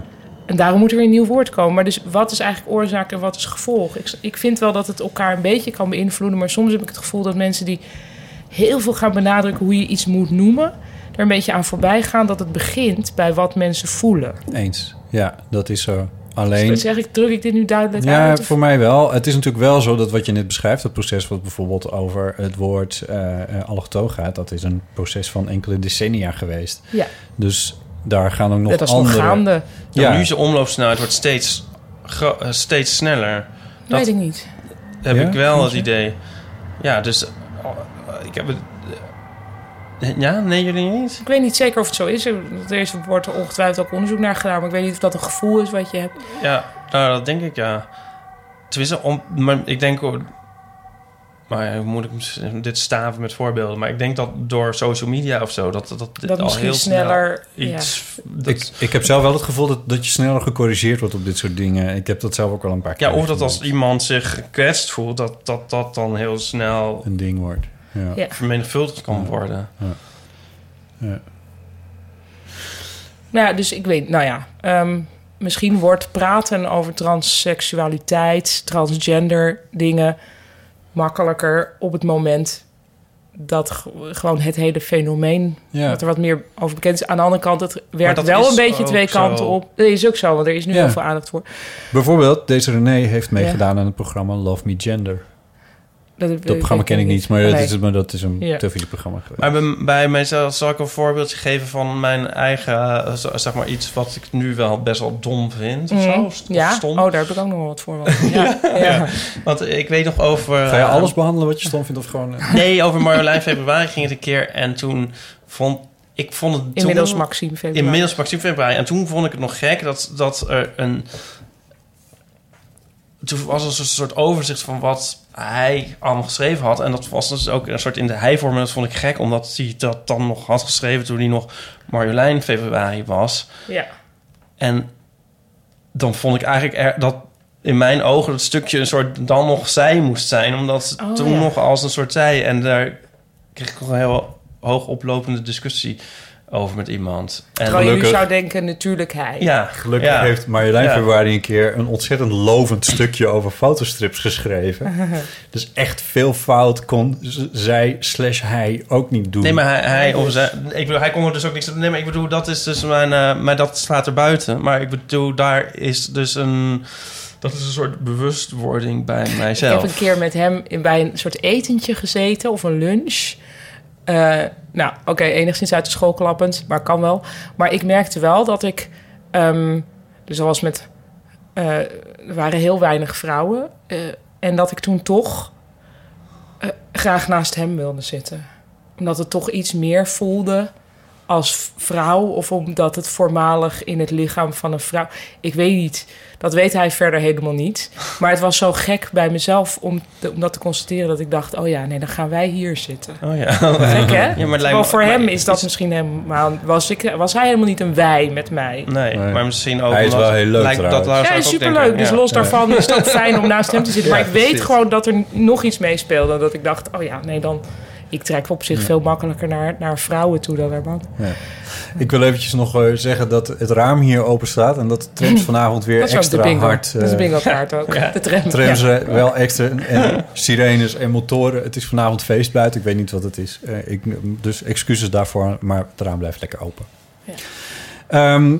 René schrijft ook nog... ehm, bedankt voor het aanraden van de podcast Nancy. En die, dat heb ik al een hele tijd geleden heb ik het daarover gehad. En dat is ook wel echt een aanrader. Die Dat is vind- ik vind hem nog Ja. steeds heel leuk, Ja, eh, leuk. Nancy. En Ja. die gaat wel echt heel goed in op dit soort, eh, Ja. dit soort onderwerpen. Er is trouwens wel natuurlijk, doordat mensen zich ervoor inzetten voor taalverandering, ook echt taalverandering geweest. En misschien daardoor ook wel mentaliteitsverandering. Ik bedoel, in- vroeger was het echt normaal om Mongool te zeggen. En nu Hmm. toch wat minder. Dat is Ja, wel fijn. Ja, ja, dat is ook ik zo. maar nog maar even zeggen. Machtel schrijft... Een goede vriend die in Amsterdam woont... houdt mij altijd op de hoogte van wat er allemaal in Nederland gebeurt... op cultureel gebied. Hij, Berend, heeft me de laatste een grappig, stapel... hoor. Luister even. Heeft me laatst een stapel cd's gestuurd... met onder andere jullie podcast. Meer dan tien Oh. podcast. Wauw. Dus iemand heeft het, dat heel veel amateur op het cd'tje Oh zitten my God. verhandelen. Ja. Hé, maar dit is wel iemand die kan e-mailen, dus toegang heeft tot internet. ja, ik snap het niet helemaal, maar... Ze heeft dit geschreven aan die vriend en die stuurt het misschien weer door. Eerst Vanuit ik, Amsterdam. Ja. eerst dacht ik, maar waar gaat dit nou over? Maar ik bleef luisteren en vond het steeds leuker, vooral met Pauline. Het is Paulien. Ja, Maar goed, goed, eh, eh, daar ben maar, ik overheen. Met, maar met Gijs Groenteman ook. Nee, die is precies één keer geweest, maar nou ja, goed, oké. Eh, anyway, dank jullie wel, want het is een leuke podcast. Zeer prettig om naar een boeiende conversatie in het Nederlands te luisteren. Nooit op school geweest in Nederland, dus sorry about the spelling. Trouwens, hij heeft me ook Ipes stripfotoboek gestuurd. Erg leuk. Had to love, laugh out loud at several bits. hey, huppakee. Bang, ja? En ook Pauline's taalboek ben ik aan het lezen. Nou, Zo. Groetjes uit Engeland. Engeland! Machteld. Oh, uit Engeland. Oh, maar geweldig. ik dacht waar iemand uit, woon je? uit Hengelo die eh, op de hoogte werd gehouden vanuit Amsterdam over wat er op kunstgebied in Nederland toch? gebeurt. Nou ja. Kan, kan Machteld misschien een keer zorgen dat we heel van de amateur internationaal gaan doen? Dat we dus een opname gaan doen vanuit Engeland? Nee, ja, maar dan doen we niet wat we hier doen, want dan zijn we in Londen. Sorry, ik probeer een soort Simon Amstel grapje te Oh. maken. Nee, Oh ja, want dat, dat, dat, dat, dat, opeens herinner ik me dat. Want die andere keer ook van diegene die die, die paleistuinen in, in België ergens bijhield of zo. En dat jij Ja. ging Het vissen. lijkt me zo eh, leuk als maar wij mensen, worden als nooit internationale mensen door- ons ja. dan eens Dat uitnodigen. op tournee gaan. Nou, Art Ja. 19 houdt statistieken veel beter bij. Dus dan kunnen we ook zien waar we be- Ja. beluisterd worden. Machteld, Machteld. Oh, dat is zo Mag leuk. En go your gang. Zou het niet leuk zijn als we met, z'n- met Your elkaar op goddelijke een, als we met elkaar op een reisje gingen? Ja, lijkt me leuk. Dat lijkt me nou echt heel leuk. Nou, zou dat Op niet leuk locatie. zijn? Maar op, Ja. in, wel, in wat Met voor koffertjes. voertuig moet dat dan? Nou, eh, Jouw BMW? ja, BMW. Niet vliegen in ieder geval. Nee, ik vlieg Nee, eh, gewoon de wel BMW binnen als ik maar niet over een eh, oceanen hoef. Ja, ja. Dus het moet wel binnen Europa blijven. Ja, en, en het kanaal durf ik ook nog wel over. Dus het wordt een beetje Benelux eigenlijk. Nou, Ja, of, eh, de Benelux, ja, meer We kunnen ook binnen de ring haalbaar. blijven. Dat is. Eh, het is ook realistischer voor de uitnodiging, denk ik. qua financiën. Ehm, mailtje 8, we hebben de 10. Eh, van Jeroen. Jeroen schrijft... De jaren 90 waren tof, mijn tienerjaren. Van meneer rustig naar meneer onrust. Happy hardcore, heerlijke muziek. Ondanks dat het mijn hetero tijd was. Dus kennelijk heeft daar een switch plaats, plaatsgevonden nadien. Hadden we het over, toch? Jaren 90, jij bent fan Ja, van de jaren of die 90. nou leuk of niet leuk waren. Ja. Botten, volgens mij ben je een topgozer en trek jezelf niet naar beneden. Ipe, volgens eigenlijk ben je gewoon een schatje. Nee, volgens laat is deze mail dit- geschreven? Dat kan ik niet precies nagaan. Oké. Groeten Johan. Permanente schade opgetreden in de jaren negentig. Eh, nee, sorry. Bedankt, Johan. Mailtje 9 van Lotte. Ik wilde nog wat toevoegen over die mini-coming-out. Ook al ben ik zelf hetero en heb ik misschien geen recht van spreken... hier heb je hierbij toch een suggestie... wat misschien kan helpen in de situaties zoals die van Ipe bij de kapper. Moeten we dit Nee. Dit kennen we wel, hè, dit verhaal. Dat zit in eh, luistert aflevering maar terug. 16 of zo. Is je, te, is je te realiseren dat die kapper het niet zozeer over jou heeft, maar meer over zichzelf. Waarschijnlijk is hij zelf hetero. En voor hem betekent pas geknipt haar dat hij hoopt dat vrouwen nu naar hem gaan kijken. En dat projecteert hij vervolgens op de ander, in dit geval Ipe. Ah ja. Zou dat Ja, een realistische... mm, Nou, Ik voel hem eerlijk gezegd niet helemaal, maar... nee, want dan zit, dan is nog, nog steeds zit. Ja, of wat zou, of zou Ipe dan moeten zeggen? Oh, ja, in jouw geval wel, ja, of zo. Of ik neem aan dat je het over jezelf. het lost het probleem eigenlijk niet, niet Nee. helemaal op. Maar Maar Ja, wel Lotte bedankt schrijft meedoen. ja, ja, zeker. Als je dat dan bedenkt, dan wordt de situatie misschien makkelijker. ja. Ik word nu in rap tempo, begin ik toch wel kaal, kaal te worden. Dus het, Dus het eh, probleem lost zichzelf op. zichzelf op. Ja. En uiteindelijk gaan we dood. En waar hebben we het dan nog over? Waar hebben we het dan eigenlijk Ja. over? We kunnen net zo goed nu ophouden. Ehm, nou, Kun je bedankt. niet inderdaad gewoon zelf iets over je hoofd halen? Of een tondeus Ja. of zo? Of- ja. Ik had het idee dat ik een beetje kreeg. Jezus, je gaat toch niet, niet naar de kapper omdat je dit... Nee, natuurlijk niet. Nee, maar ik zit gewoon even eh, economisch mee te denken. Ja, Ik, ga, ik moet denk ik binnenkort voor een stripje mijn kaal scheren. Ja, doe normaal. Leuk. Super. Nee, wel, maar dan laat je toch eventjes een soort ding over je hoofd trekken door iemand die daar goed in is. Nee, maar dat is... Maar dat is, voor, Nou, dit dat is groeit toch zo Je bent, aan? maar je bent ook aan. even voor... Ik, je bent niet Nee. kaal. Maar deze strip, ik hoop zo dat het doorgaat, want dat is echt de grappigste strip ever. Oh, dus je Niet wil dat- spoilen. Je wil dat iedereen denkt dat je jezelf hebt kaal geschoren voor die... Oké. Moeten we nog die hele voice beogen? Ik bedoel, hoe lang zijn Nou, we wacht even. Nee, dat doet er niet toe. Ehm, ander- bijna anderhalf uur. Jezus. Mailtje 10. Mini-coming-outs. Ah, Ja. Waar ik verder over viel, dit is een mailtje van Mina. Waar ik over viel waren de opmerkingen over de kapper. Een paar keer benoemden jullie dat hij Marokkaans was. Maar geen enkele keer maakten jullie expliciet welk vooroordeel hier aan ten grondslag lag. En dat is waar, ik herinner me dat, dat we het daarover hadden... en dat we dat, dat, we dat niet expliciet hebben gemaakt verder. Eh, dat we puur op basis van het feit dat jij vermoedde dat hij Marokkaans was... ik weet niet eens of je dat zeker weet of dat zo is... dat we er dan vanuit gingen dat hij een soort homofoob zou zijn. Mhm. En Of dat Turks. was een soort aanname. Nou ja, precies.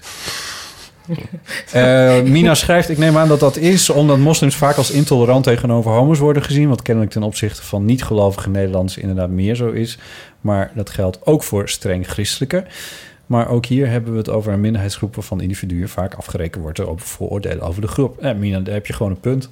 Ja. Dat is waar, het was niet zo netjes van ons. En, ehm, maar het doet natuurlijk niets af van aan het gevoel wat jij daar had. Dat ik me ook ik weer weet ook levendig niet kan hoe het voorstellen. precies zit met statistieken van geweld tegen homo's. Hmm. Als je dat vergelijkt, ehm, ja, Ja, hoeft het niet toch. Ik bedoel, Ja. ik, ik zou niet op de, oh, Nou, de ik Bible geloof Belt dat het komt. Het, versus. ik, ik ging er even vanuit in mijn gedachten dat deze kapper van jou over de 40 was. Nou, er waren twee kappers. Ik heb het niet helemaal uit mijn hoofd hoe we dit allemaal besproken hebben. Want ik heb ook mijn Libische kapper. Ja, weet je wel? En ik Ja. had die Marokkaanse kapper. ja. Maar het gaat mij er meer om dat, dat die Marokkaanse kap... Die Libische kapper heb ik een soort... No, daar had ik die no... eh, don't ask, don't tell verhouding mee. ja. Wat ik prima vond. En die Marokkaanse kapper die zat soort dus juist heel erg tegen mij van... oh, dan komen alle de meisjes straks niet meer van je af te slaan.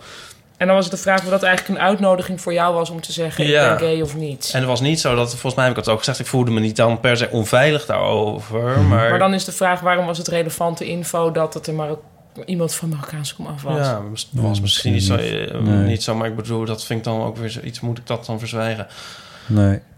Blijkbaar denk je er wel iets couleur, bij. Ik heb, ik heb een kapper in couleur Ja. lokaal mee te geven. Nou, maar misschien. Dat, Hij was nee, heel maar jong. Nou, ik- los daarvan. Stel nou dat je het ditzelfde had gehad, maar dan met een bejaarde. Dan heb je toch ook een soort. Je hebt toch. Hoe meer iemand in allerlei opzichten op jou lijkt, hoe meer je bekend veronderstelt of zo. Er is een soort gelijkstemmig. van ja, je zal Ja. wel. Ik weet niet. Ja. Ik weet het ook niet. Dit is, Maar- dit is, ook weer Voor het verhaal over- eierschalen of hoe heet ja, het? Of ja, nee, nee, absoluut. En eh, voor die vraag die jij net stelt, die wel degelijk relevant is van hoe zit het eh, met, met in de statistieken van eh, anti-homo geweld.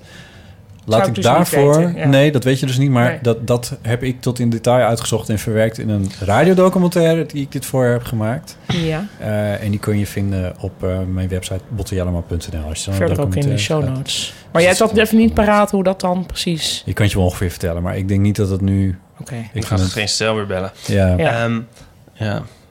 Er is een oververtegenwoordiging, laten we het daarbij laten. Ja. En, eh, en, en de, de meeste anti-homo-geweld wordt gepleegd door Nederlanders. Maar er is een oververtegenwoordiging van met name Marokkanen. En de meeste anti-homo-geweld wordt gepleegd door eh, jongens van rond de 20 jaar. Maar al het geweld wordt door jongens van rond de 20 jaar gepleegd. En eh, boven de 30 komt het eigenlijk niet meer voor. Dan, eh, bij geen enkele leeftijdsgroep. Dat is een, een- tot, bij 40 is het helemaal weg. Dan, eh, mensen van boven 40 doen dat niet meer. Dus het is... En de moraal is, doe meer met vrouwen. Oh, dit kan je op heel veel manieren interpreteren. Nou ja, daar heb je nooit van Ik vind dat- ik vind het voor de asexuelen niet zo'n aardig opmerking. We zijn aanbeland, we zijn aanbeland bij eh, Het heel belangrijke. de eeuwofoon. Dit is hem trouwens. Jullie hebben hem helemaal nog niet gezien. Prachtig. Oh, dat is, is eh, hem. Oh, daarom lag hij daar. Een iPhone 4S uit de Bijlmer. Die ik voor vier tientjes heb gekocht. Waarom zeg je dat er nou bij van de Bijlmer? Ja, een beetje raar. Je bedoelt of het poli- politiek correct is of niet voor mij. Mooi. Nou, anyway. Is je toch hebt veel mooier dan die nieuwe? Ik moet eerlijk zeggen dat ik...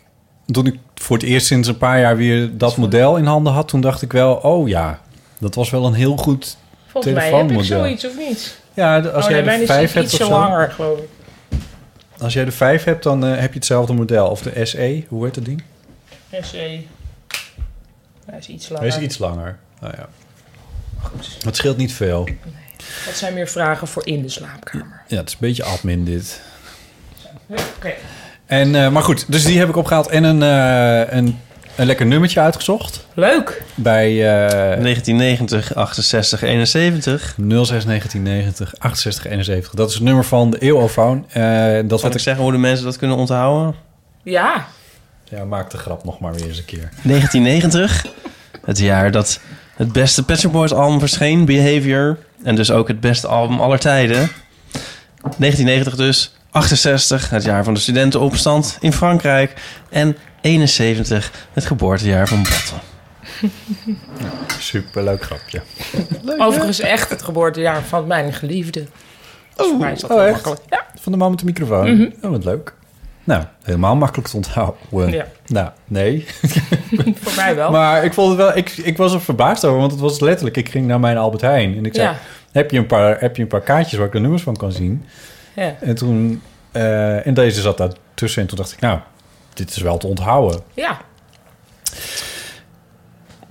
En ik heb het dus ook op de social media al genoemd en ik had een heel klein podcastje gemaakt voor het weekend nog, waarin ik het ook nog even opriep. En toen hebben een, 50.000 keer beluisterd. En ja, er is flink gebeld. Dus ik zat ook meteen door beltegoed heen. Dit is trouwens echt waar.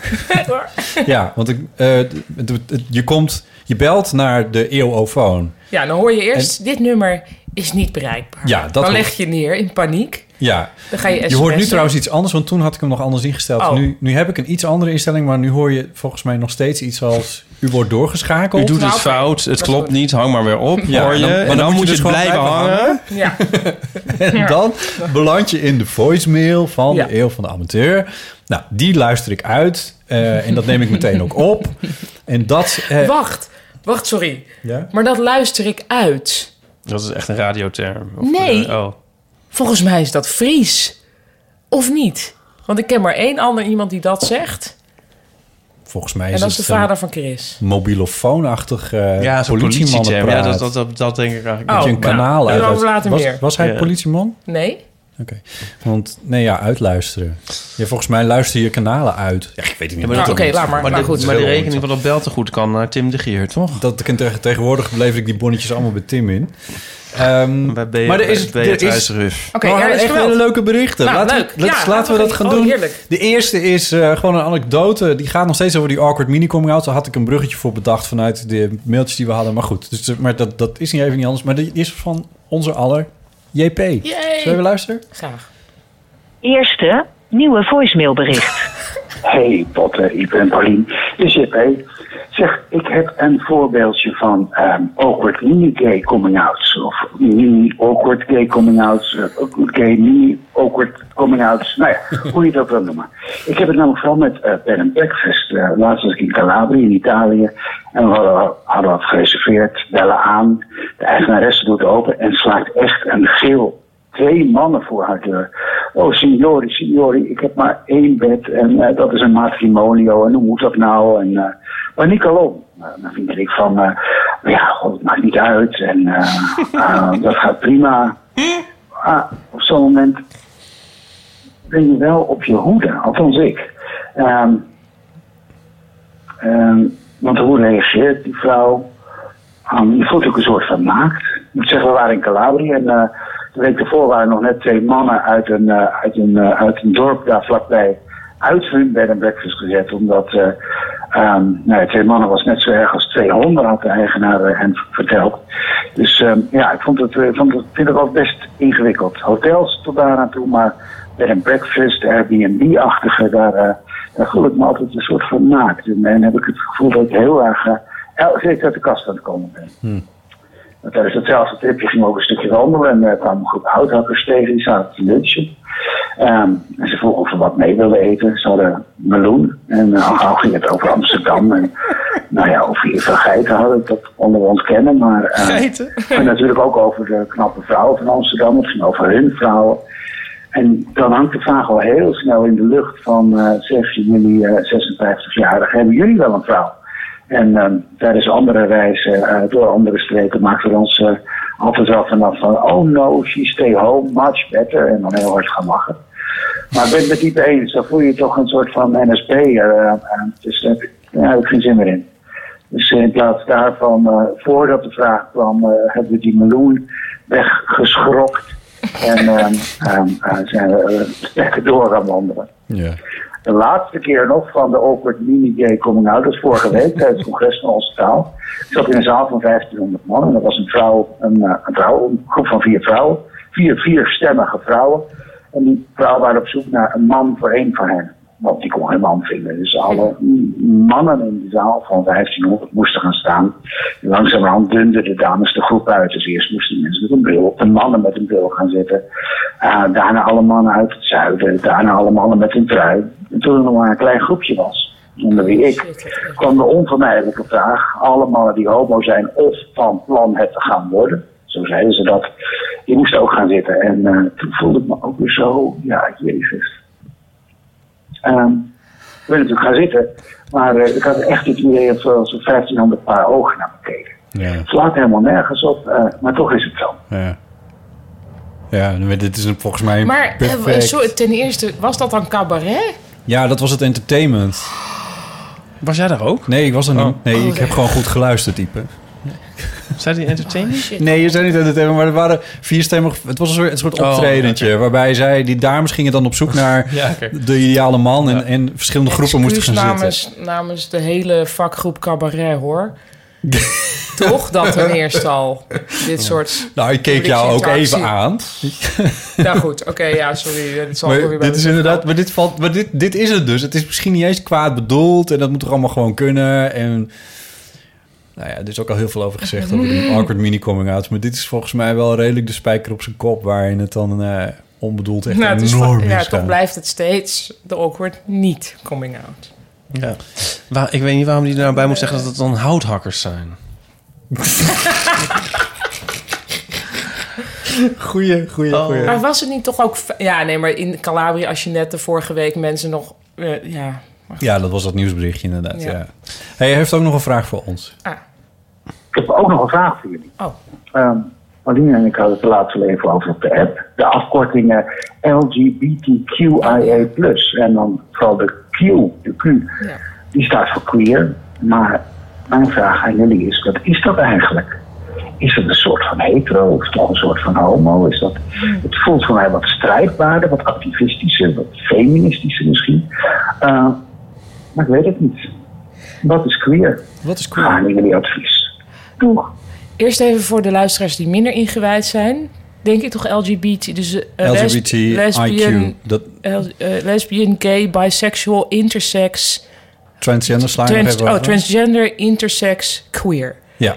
En dan, En dan soms staat er ook nog een plusje achter. En soms staan er ook nog wel andere letters achter. Nog meer letters. Ja. En ik had met JP eh, even app-contact eh, over queer.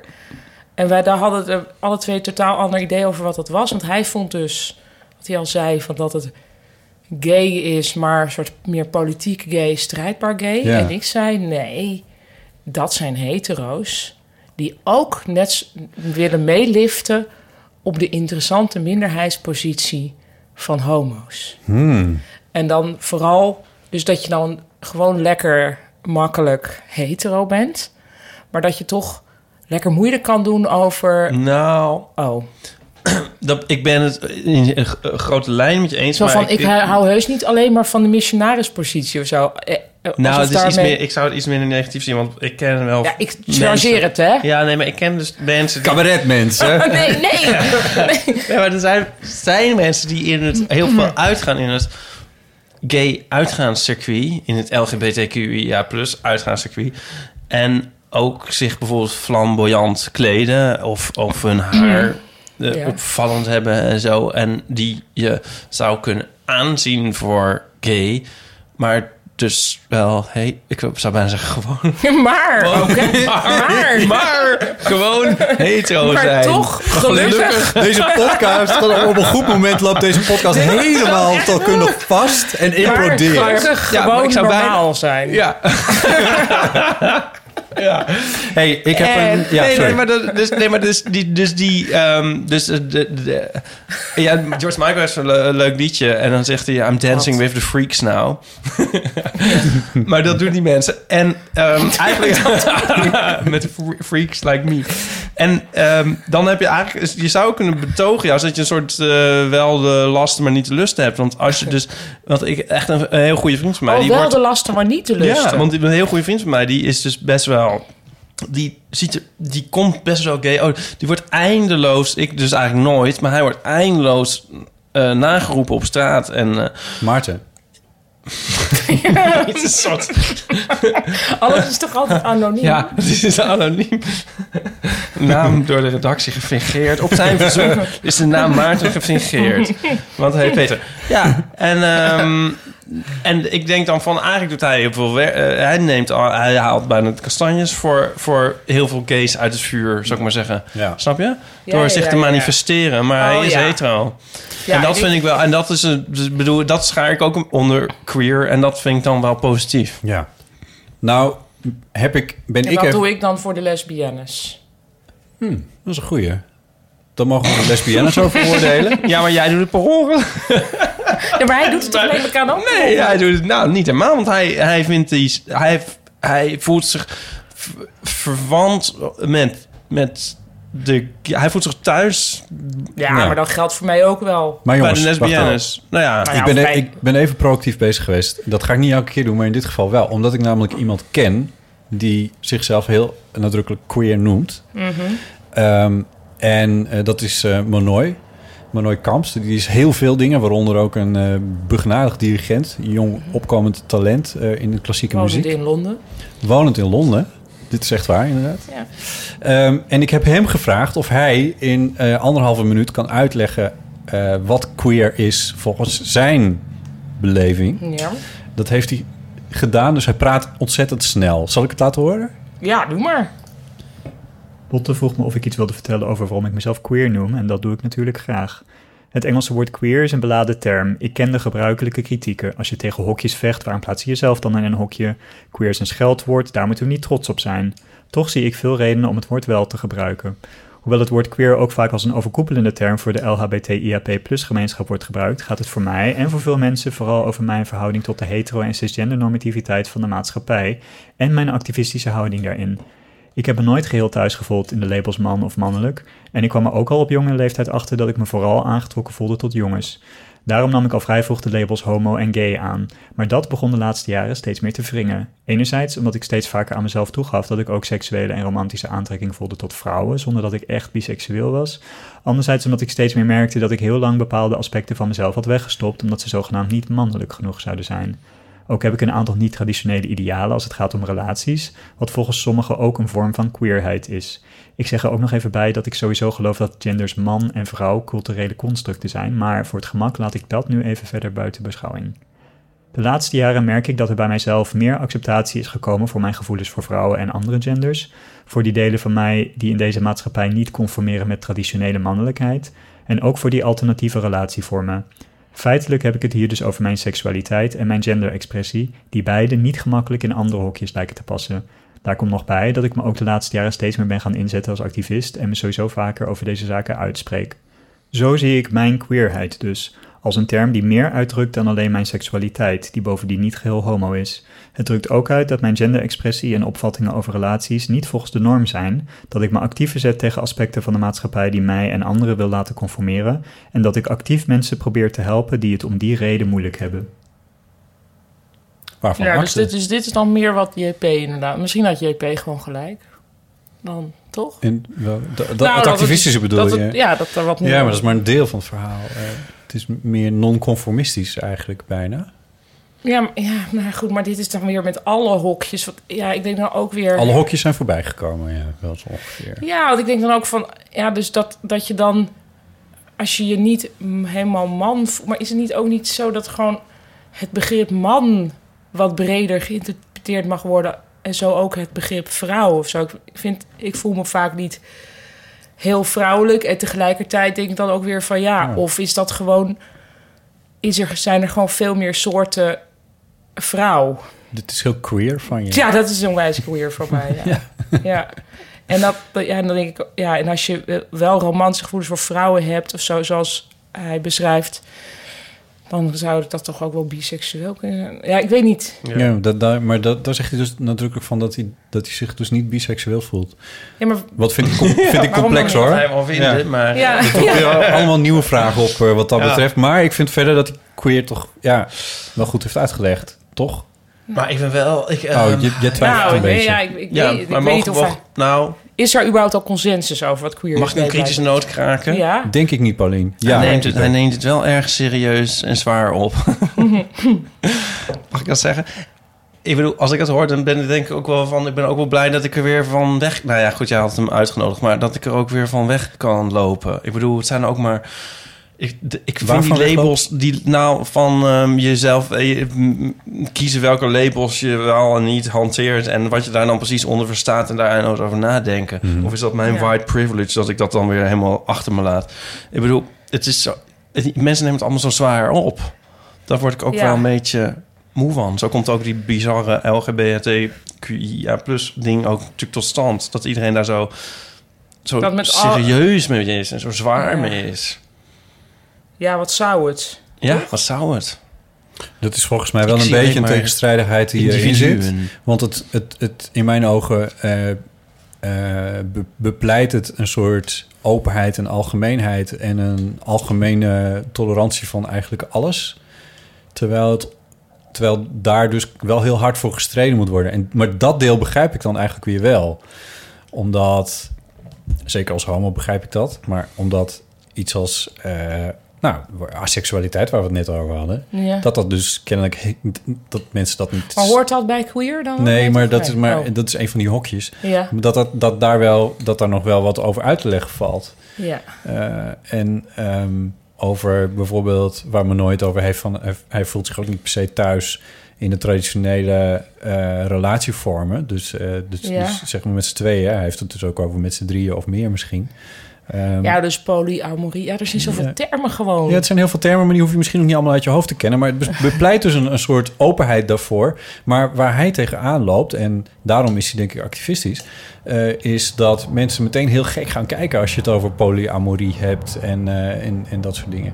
Maar is queer dan het soort hokje om, om andere hokjes niet te hoeven uitleggen? Is het een buurtvrij oh, dat is wel een leuke, ja. of zo? Of eh, ik weet niet of dat een goede Eh, vergelijking is. Ja, Alleen dan wel een soort buurtvrij wat, wat nog niet iedereen cool vindt. En daarom is het dan ook wat activistisch. Van dat je eigenlijk zegt, er zal wel iets met mij zijn, whatever it may be. Wel dat er Eh, wat is, maar wat dat maar dan is, is, dat, weet is. ik niet. Maar wel dat er wat is. En wie weet waar dit een citaat over is, die wint het cassettebandje van de van de Amateur. Ehm, ja, maar dan is toch... Ja, dan zou dus uiteindelijk iedereen queer zijn... want natuurlijk niemand is Nee. volstrekt volgens de Ja, norm. nee, maar bijvoorbeeld... Ik voel mij best op mijn gemak als man. En Ja, ik voel me ook wel op mijn gemak bij dingen die bij mannen horen. ja. In traditionele zin. ja. Ehm, en ik voel me ook op mijn gemak die, bij dingen die bij homo horen. Dus, Houtbewerking en motorrijden inderdaad. Maar goed, ja. Dit ging nog bij man, hè? Niet bij homo. en, en, eh, en dat is iets waar... Dus ik ben niet queer. Dat zou ik nooit over mezelf kunnen zeggen. Hè? Omdat je... Want daar dus hoort dus bij gender dingetjes. En dat ik te veel, me te veel conformeer aan de traditionele dingen. En me daar prima over voel. Zouden jullie mij queer vinden dan? Ja, er zit wel iets queer in jou, ja. Als hetero vrouw die ook Overwegend hetero. zeg overwegend hetero, precies. Eventuele luisteraars. Nou, dat, Luisteraars. ja. Weer een persbericht aankomen. En, je en, hebt dat en, vorige en omdat je, ja, dat. En je hebt net ook gezegd van, van al die dingen die aan het, eh, st- het, het eh, maatschappelijke eh, construct vrouw kleven, daar voel ik niet altijd Nee. mij helemaal bij passen. Nee. Eh, en dat is weer juist iets heel erg queers. Ja. Maar nu ga ik het uitleggen voor anderen, Ja. Terwijl ik het soms ook maar nauwelijks snap. Zullen we het hier Nou, eerst bij ik vind dat er vele continua zijn. Toch Ja. wel even de goede uitgang. ja, ja. Ehm, en daarop zijn allerlei schuifjes, denk ik. En het lijkt mij niet zo nodig, misschien, dat elke positie van verschillende schuifjes ook weer een aparte naam krijgt. Ja, ja. Maar who am I? Ja. Dus als iemand daar wel... En misschien was dus mijn, mijn tirade waar ik queer mee begon... zal wel weer onterecht zijn geweest. Sorry. nou, ik Dat weet ik niet. was- Voor mensen die gewoon lekker mee willen liften op de interessantheid van... Oh ja. Sorry. Nee, zo kan je het zien maar, nee, nee, maar, maar, nee, maar ja. wat je ook zei, was namelijk... En, of wat jij, maar dat wat is zo, maar ik nou? bedoel, dat begrijp ik. bedoel, eh, ik heb Dat is volgens mij ook wel voor een deel ook- zo, hoor. Ja, nee, maar ik heb toch ook altijd heel erg medelijden met hetero's. En ik bedoel, je zou Ja. maar zo saai hetero zijn. En ik bedoel, Ja. ik zou ook queer willen zijn als ik hetero was. Want, want je gaat toch niet... Ja, maar... Ja, Dan, moet, dan moet je naar... Dan kan je nog wat, Ja. dan is het nog leuk. moet je motorrijden en zo. Queer is eigenlijk... Ik, mijn idee in een nutshell over queer... is toch een soort een hetero die er een beetje iets van maakt. Oh ja. Oh, ik denk dus... Nee. hetero die er iets Nee, van maakt. Dat denk klinkt dus- wel weer cool.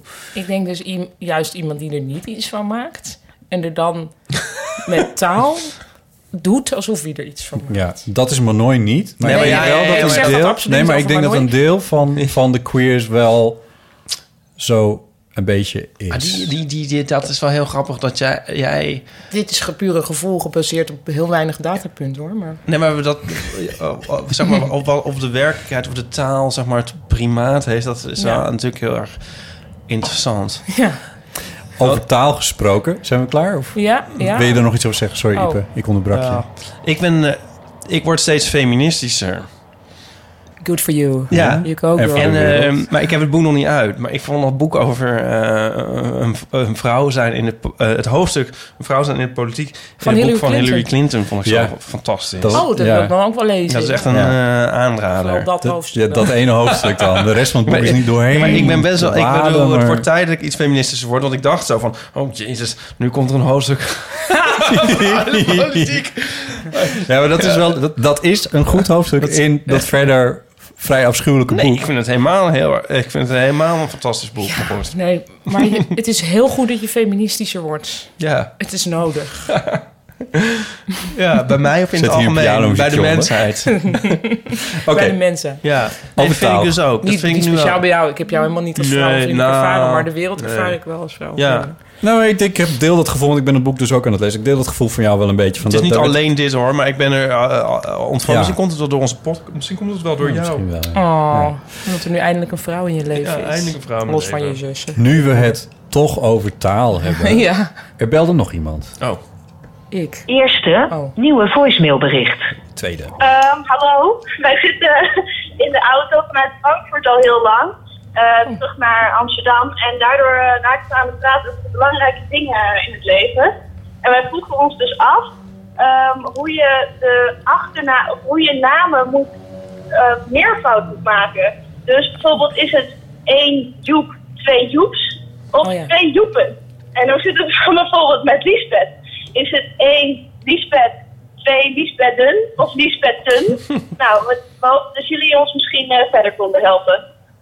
Ja, Goeie vraag. ja. Het klonk een beetje als Janine Albring, maar dat zal ook Nee, mijn nee, eh, fantasie zijn. Nee. Nee, dit is ook echt een andere stem. Ja? Ja, En die was ook niet in Frankfurt. En ze kwam terug van de boek, boeken, boekenbeurs. boegmessen. Zit Maar nu. boegmessen waarschijnlijk Oh, die is wel. Nee, ik denk het niet, want die is nu. Oh ja. Nee, Nou, wel, maar dat die maakt ook niet uit. Maakt niet uit. Nee.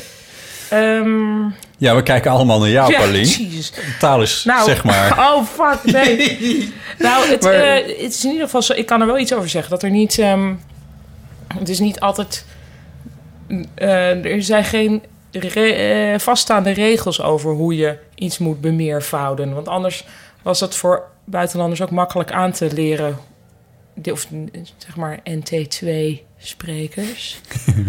Ja. Eh, Nederlands als tweede taal. Ehm, dus ja, en, en ik heb meteen een gevoel. Dus één Joep, twee Joepen. één Liesbeth, twee Liesbetten, zou ik zeggen. ja. Ehm, Maar bij, je zou niet twee Ipen zeggen, maar dan zou je twee. Ipes, Dat- absoluut. dus dat, ja, dus ga een beetje maar op het het gekke is dus wel inderdaad dat bij de boom de Iep... je natuurlijk wel zegt twee Iepen. Ehm, dus het, het woord Iepen stuit een niemand tegen. De, dat is een Iep. Maar er zijn zelfs gekke voorbeelden. Dus bijvoorbeeld... ehm, Ik zou ook twee Iep, want mensen noemen mij vaak Iep. ja, En dan zou ik dus ook zeggen twee Iepen. Ja, maar er zijn dus ook, als Hmm. een woord hetzelfde... Stel je voor, dit. Die heb ik een keer gehoord, vond ik een leuk voorbeeld. Want je hebt hetzelfde met verkleiningen. Hè? Als je, moet je er tje of kje van maken. Ja. Ehm, de haring, Tje. haringje. Maar stel je nou eens een object voor... dat een soort, wat je in je haar kan doen... een soort ring die je in je haar Een kan doen. haring. Een haring. Dan is het, Een haringetje. ja. Maar dat is omdat het een ringetje is. Nou ja, maar goed, dus puur fonetisch... heb je het woord haring. En het woord haring zou je in de, in op het ene... Maar het is toch een samenstelling? Hoe heet zo'n ding? Van Ja, maar fonetisch, dus Ja, hoe je het hoort, is Je- het precies klopt- hetzelfde. Oh ja, precies. Ja, dat klopt dan niet meer. Nee. Ja. Ik Dus- zou bij namen ook Latijnse meervoudig... Ik zou bijvoorbeeld wel als, als zeggen twee Mariae. Ma Mariae. Mariae. Ja, Ja, Mariae. Maar dat is Ja. omdat je dat dan interessant vindt. Of... of Praat je Dus wel in de om- dat is- microfoon, dat is- ja. Dat is om bepaalde mensen buiten te sluiten. ja, of... of, of Dat is ook in de of, eh, bingo ik kaart, ik ken twee, ik ken twee microfoon. Irmata. Oh, dat is ook wel goed. ja. Oh, Eh, kortom, sorry, eh, sorry meiden. Eh, we- meiden, Laat je fantasie de vrije loop. Hè? Wees lekker creatief. Ga ermee aan de Alles slag mag, met elkaar. alles mag. kan. Niks is fout. Leen de kle- kleren van je vriend. Oh, dat was vroeger altijd van die, Mooi. van die, Mooi. van die meisjestijdschrift... waar dan stond alles kan, alles mag Ja. deze zomer. Laten we wel even een rondje doen. Eh, twee Paulinen is Paulinen. Ja, Eh, twee Chrisen is twee Chrisen. Dat wordt ja niet Chris. twee bottes, Twee Bottes. twee ipes. Twee Ipes. Dus als en het twee op een- Nico's. Ja, maar Ni ja. Dus als het misschien... Nico's. Wacht, met- is het met misschien C- toch heel met- dom gewoon als het op een klinker eindigt? Ja, nou, Nico's misschien met C-E-A-U-X. Nicole. Nicole. Le, Le Nicole. Ehm, ja, misschien is dat eigenlijk wel. Wacht even, even namen. Ja, even, even nog een rondje namen. Mark, twee Marken. Paul, twee Paulen. Twee Marken, maar je Marken C of met een Twee met een Marco's. Shit, het is gewoon met een klinker. dan is het een Waarschijnlijk wel. Als het met een klinker eindigt, dan hebben we een, eh, hebben een S'je te pakken. Teun, Teunen. Toch? Ja, Wiek, Wieken. Eva's. Niet twee Eva's. Eva's. Oh, dat is het gewoon. Hey, Ilses. eh, nou, negeer de gehele interessante discussie van zojuist. Ja, Als het op een klinker eindigt, is het met een S. ja. Is dat niet zo? Dan zet je er een E en Ik denk eigenlijk, ik ga al mijn neefjes even, al mijn neefjes en nichtjes even af. Dus het Daar teun, zijn we twee, morgen nog bezig. twee teunen. Vrouwtje, twee vrouwtjes. Eh, Eva, Eva's. Oh, wacht even, wacht even. Mijn Ilses. vader heet Fred. Fretten. Dat is raar. Of Fredden. Dan zou het toch Freds. Freds? Ja, echt? Twee Freds, ja, absoluut. Twee Oh, ook oh, gelukkig. Denk ik. We hebben toch een uitzondering. Jongens, het is toch heel ingewikkeld. Terug Het naar is dat haring, ja, Het is gewoon weer, het is gewoon Dat is ingewikkeld. ongelooflijk autochtone voorbeelden. Maar, wat allemaal wel- Friese, Friese plattelandsnamen. We Oh. weten wel meteen wat het is. Als je het, ik, dus eigenlijk snap ik de vraag van de dames niet zo goed. Omdat je bij Nee, ze, hun vraag is niet hoe moet je het doen, maar meer wat is de achterliggende regel. Oh ja. Maar hoe Zoals doe je het eigenlijk? Hoe weten wij het ook in het buitenland? Dan weten wij, zeg maar, two Johns. Ja, maar de, het Engels heeft maar één. Oh ja. Ja, dat is... Ta-ta-ta. ja. Ja. Jongens, zullen we, zullen we luisteren naar eh, Margriet uit Alkmaar? Volgende bewaarde voicemailbericht. Hoi, met Margriet uit Alkmaar. Ik ben een heel trouwe luisteraarster van jullie. Eh, laatst vroegen jullie je af of er wel eens mensen afleveringen terugluisterden. Nou, ik dus. Ik heb ze allemaal meerdere keren gehoord. Maar, want ik doe het eigenlijk als ik ga slapen altijd. Dus ik Oh. val wel af en toe in slaap en dan mis ik een stukje. Ja. En dan de dag daarna ga ik weer gewoon verder. En ik vind het allemaal heel erg grappig. Ik lig vaak schuddenbuikend in mijn bed. Nou, wat eh, kan ik daardoor dan helemaal niet meer slapen. Of word ik weer tussendoor wakker van die harde muziek. Maar eh, ik geniet er dus heel erg van. Eh, wat ik me eigenlijk afvraag, weten jullie eigenlijk hoeveel luisteraars er zijn? En ik vraag me ook af, waarom heet de podcast de Eeuw van de Amateur?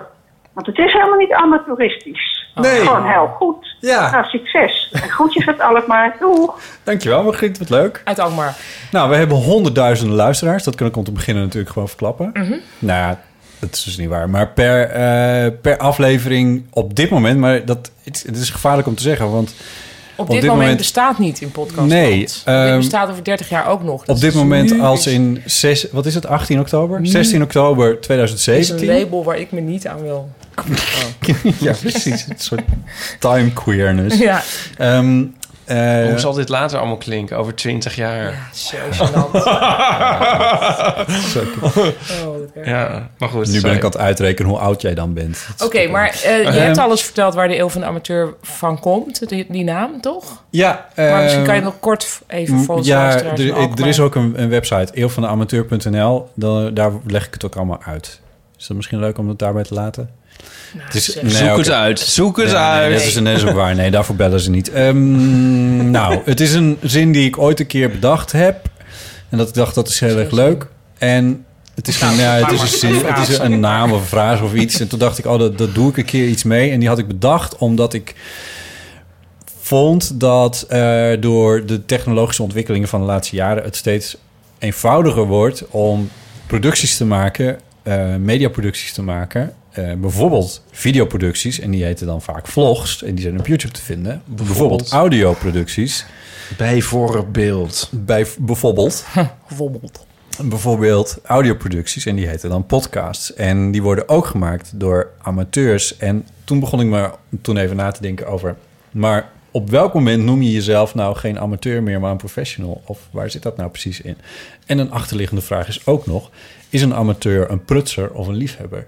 En omdat ik die vraag zo interessant vond... dacht ik, ik noem hem de eeuw van de amateur...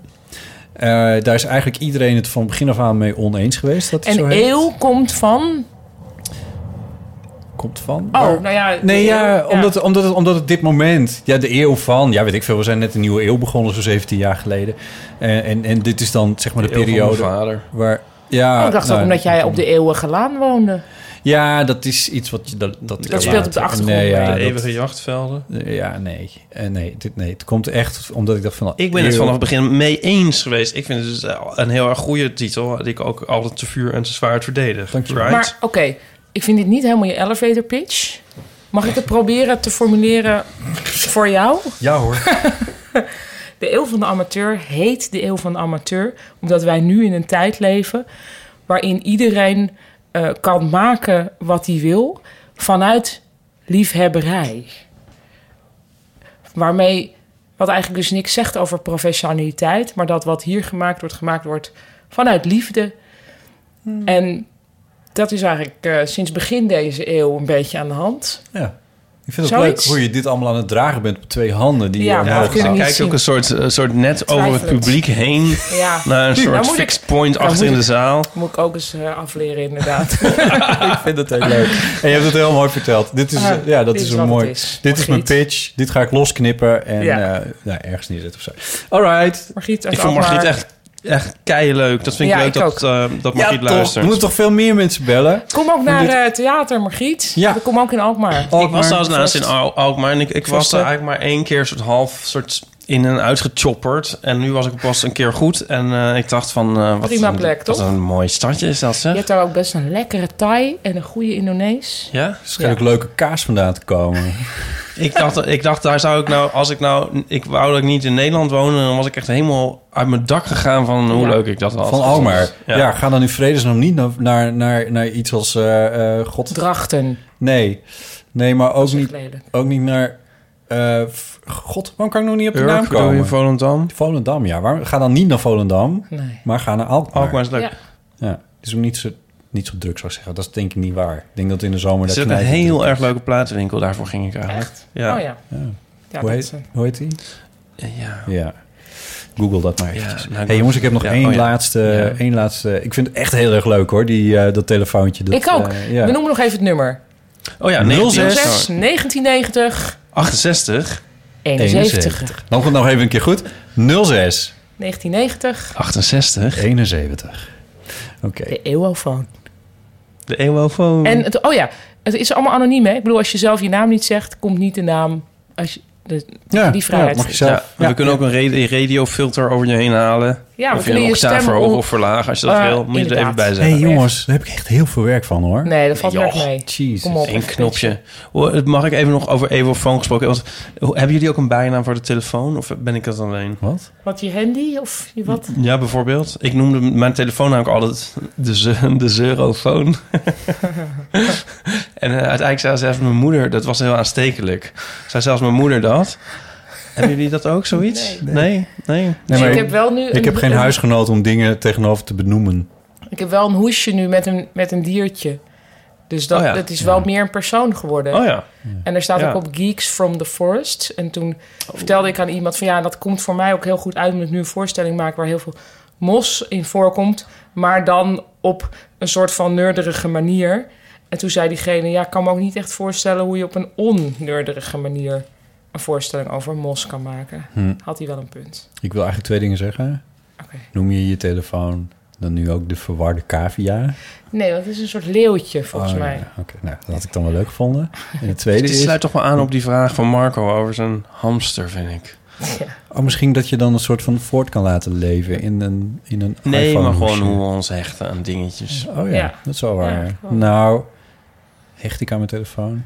Het tweede is, wat doe je in vredesnaam allemaal met dat theezakje? Ja, sorry, ik probeer het theezakje te deconstrueren en er echt een theezakje van Een te maken. buideltje. Een buideltje heb ik nu Om het gemaakt nog van een- enigszins aantrekkelijk te maken... dat ik dat morgenochtend daadwerkelijk ga gebruiken bij mijn ontbijtje. Nou, dit hoort ook bij dat prijzenpakket van die mensen die die, die cassettebandje krijgen, hoor.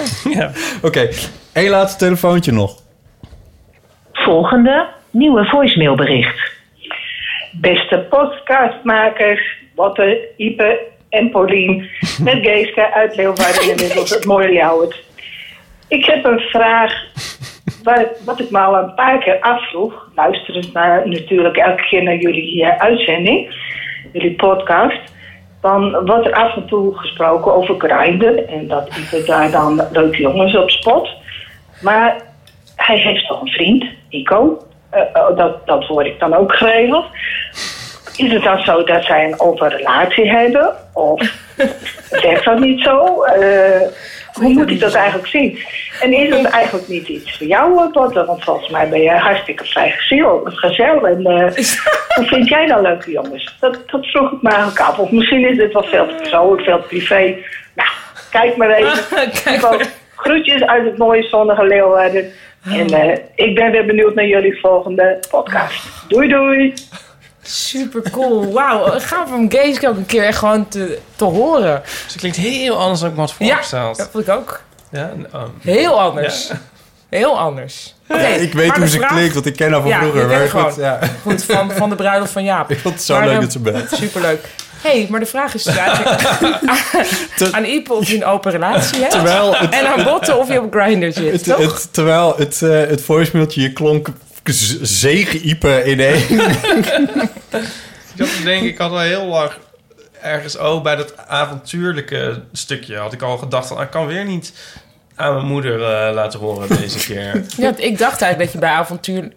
Oh, dat je... Ja, goed. Je- ben jij- wat is ik nou dacht dat gezegd? het een ander avontuur Ben jij per aflevering aan het cureren of je een aflevering van de, op een amateur aan je moeder kan laten Nou, horen? ik denk er nooit meer aan eigenlijk. Maar laatst, ik zag haar laatst en toen dacht ik...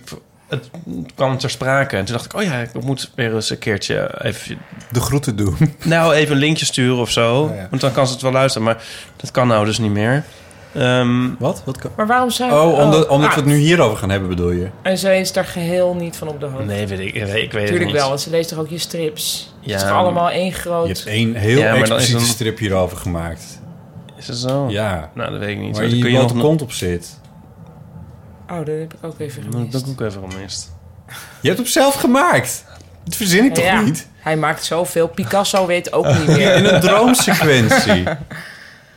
Nou ja, anyway, eh, de vraag van Geeske Ja. was... Ja, hoe zit het?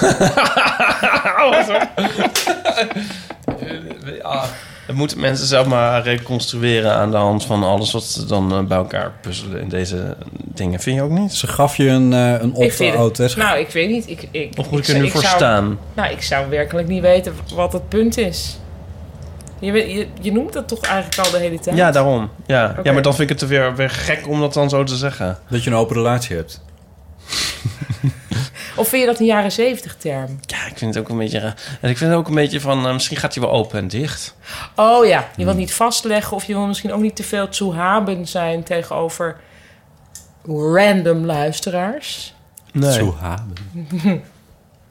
Oké, nou Geeske, je bent weer, hij is queer. Ja, ik ben queer. ik heb een queer, ik ben een queer queer. met een queer relatie. En jij Botte, is Grindr nou niet iets voor jou? Ik heb het er net weer afgeflikkerd. Echt waar? Ja. Ik heb dus een, eh, Of een, echt- een bedoel, open echt en waar? ik heb dus een open en dicht relatie met Grindr. Hmm. Eh, omdat. eh, Want? Ja, want. ehm, ehm, ja, Jezus, wat moet je daar nou over zeggen? Grindr gaat wel veel over seks. En soms heb ik, vind ik dat ineens stom. Niet seks, maar dan vind ik het ineens stom om dat op die manier te doen. Ja. En dan denk ik, ik word er niet gelukkiger van. Mhm. Wat, waar kijk je naar? nou, of hij deed iets met een bierblikje en dan wil hij weten of je een spikeje had. Ja. Ja, je hebt een spikeje hoor. en dan, en dan, en soms word ik daar ook echt heel erg ongelukkig van. En denk ik, waarom, waarom doe ik dit? Waarom eh, doe ik, waarom, eh, waarom doe ik die Stel ik me hier aan bloot? Ja, wat, wat, wat schiet ik hier nou eigenlijk zelf mee op? Want ik zoek liefde. Eh, ja, en dan, en dan, eh, en ik, ik moet zeggen, ik heb ook wel een paar heel erg leuke contacten over, aan- gehouden aan hebt- dit heb ik al vaker laten vallen, maar eh, dat is toch echt waar. Ehm, Omdat je een profielfoto met een boek erop had. die heb ik ook. Mhm. Ehm, dat helpt soms wel, maar Ja, onthoudt ook alles. Ik onthoud echt alles, ja. Ja. Sorry. ja. Eh, Niet alles. Eh, dus nee, ja, Cruciale god, ja, wat, wat- maar de, ehm, het kan heel. Ik vind Grindr wel soms. Het, het, het, is, het is fantastisch een uitvinding. Het is echt heel erg leuk en het is echt, denk ik, ook echt wel een manier om met leuke andere jongens in contact te komen. Alleen ehm, gaat het soms gewoon wel echt alleen over seks en daar heb ik soms, dat vind ik soms vind ik dat heel, vind ik dat vervelend. Soms Ja. vind ik dat vervelend. En dan, en dan op die momenten, dan gooi ik het, de, het er dus af. En hoe lang duurt dat dan meestal dat het eraf is? Ehm, nou, tot nu toe, waarom zit je Hij nou zit de boektitels boekenkast- te lezen Nou, hij, hij zit nu te bewijzen dat niet alles over seks gaat. Seks gaat. maar dat ook boekenkasten belangrijk zijn. Ik mijn oog viel even ergens op. Oké. Wat leuk. Zullen we Botte, straks hoe over lang- mijn boeken praten? Maar hoe, hoe is, heb je dat wel eens soort van geanalyseerd? Bij mezelf? Ja, hoe lang dat eraf is en er weer op? Ehm, nou ja, Nou, dat, houdt Tim de Gier daar statistieken van bij? ja, precies. Eh, ja, ik weet het niet heel precies of zo, maar dat gaat meestal over een maand of drie of zo. Oh, dat vind ik best wel lang. Ja. Hey, wat zou er gebeuren als je als vrouw eh, lid, lid Maar wordt? Van, Even, even nog oh, wat sorry. er nog aan toe. Het is, Ja. het is niet gezegd dat ik er over eh, eh, één of twee maanden dan weer op zit vanaf nu. Dat Nee, Is- dat is, is ook niet dat je daaraan gehouden meestal met kerst. Dan weer wel? ja. Echt? Ja, dat, vind ik, dat is gewoon een hele stomme echt? tijd van het jaar voor Oh, mij. God. En dan. Oh, maar, lijkt me dat, maar dat beschouw ik dan wel als een soort zwaktebod of zo. Oh. Ook op zin in kerst. Oh, het is vreselijk. Echt. Kom gewoon, eh, ja, ik vier niet echt, maar je mag het best ook gewoon niet. ja. Mag ik het bij jou niet vieren? Ja hoor. Oud en nieuw, hetzelfde. Oh, wat fijn. Oud en nieuw. Ja, ik Dat komt misschien ook wel. Mag ik dan ook komen tuurlijk, met Nico? ja. Zo'n Ja, naar, ja. eh, naar feest. Ja, Oh, dan Ja. moeten we wel even kijken met de treinen. Hoezo? Blijf je woont toch toch gewoon in slapen? Amsterdam? We dan blijven... zo- Ja, ja, oh ja. Hey, weet iedereen kan blijven slapen, niet iedereen, wel. maar jullie wel. Ehm, ja, nee, leuk. Er was nog een andere vraag die je stelde, maar dat ben ik vergeten. Eh, oh ja, als een vrouw lid wordt van Grindr, wat gebeurt er Dat dan mag eigenlijk? niet. ik heb maar nog hoezo mag Ik Mag heb niet. nog nooit een vrouw op Grindr gezien. Nee, maar wat gebeurt er dan? Dat kan liggen aan mijn instellingen, want ik zoek natuurlijk alleen mannen. Ja, maar op Grindr kun je ook alleen maar mannen. Dus je moet, Ik heb geen als je idee. nou als vrouw, dus je zegt gewoon, dus je plaatst gewoon je foto of, en je zet bij ik ben Geeske, of wie je dan ook bent. Dus Geeske zelf Ja, dan eigenlijk. word je denk ik gereport en dan word je denk ik gereport. Ja. Echt waar? ja, je kan mensen reporten. Dat is toch eigenlijk heel weird? Ja. Is dit niet een misstand? Een misstand. Nou, dat hele kleine is een misstand. Nou, wel als je het dan weer omkeert. Ik weet niet, ik probeer me even af te vragen wat, wat een vrouw daadwerkelijk zou zoeken op Grindr. Want dat, dat kan me toch helemaal niet iets bij voorstellen. Maar Nou, misschien... zeg ik nu iets Ja, heel weet, ik, weet ik niet. Ik weet ook niet. Ik bedoel, ik heb geen behoefte aan op Grindr, maar ik zit gewoon even na te denken van... Hoe zit dat eigenlijk? Of wat gebeurt er dan Is er een lesbische Grindr? Is dat wat je vraagt? Ja, hier, Nee, nee, nee. Ik bedoel meer gewoon van, is het Want die is er volgens mij. Brenda. echt?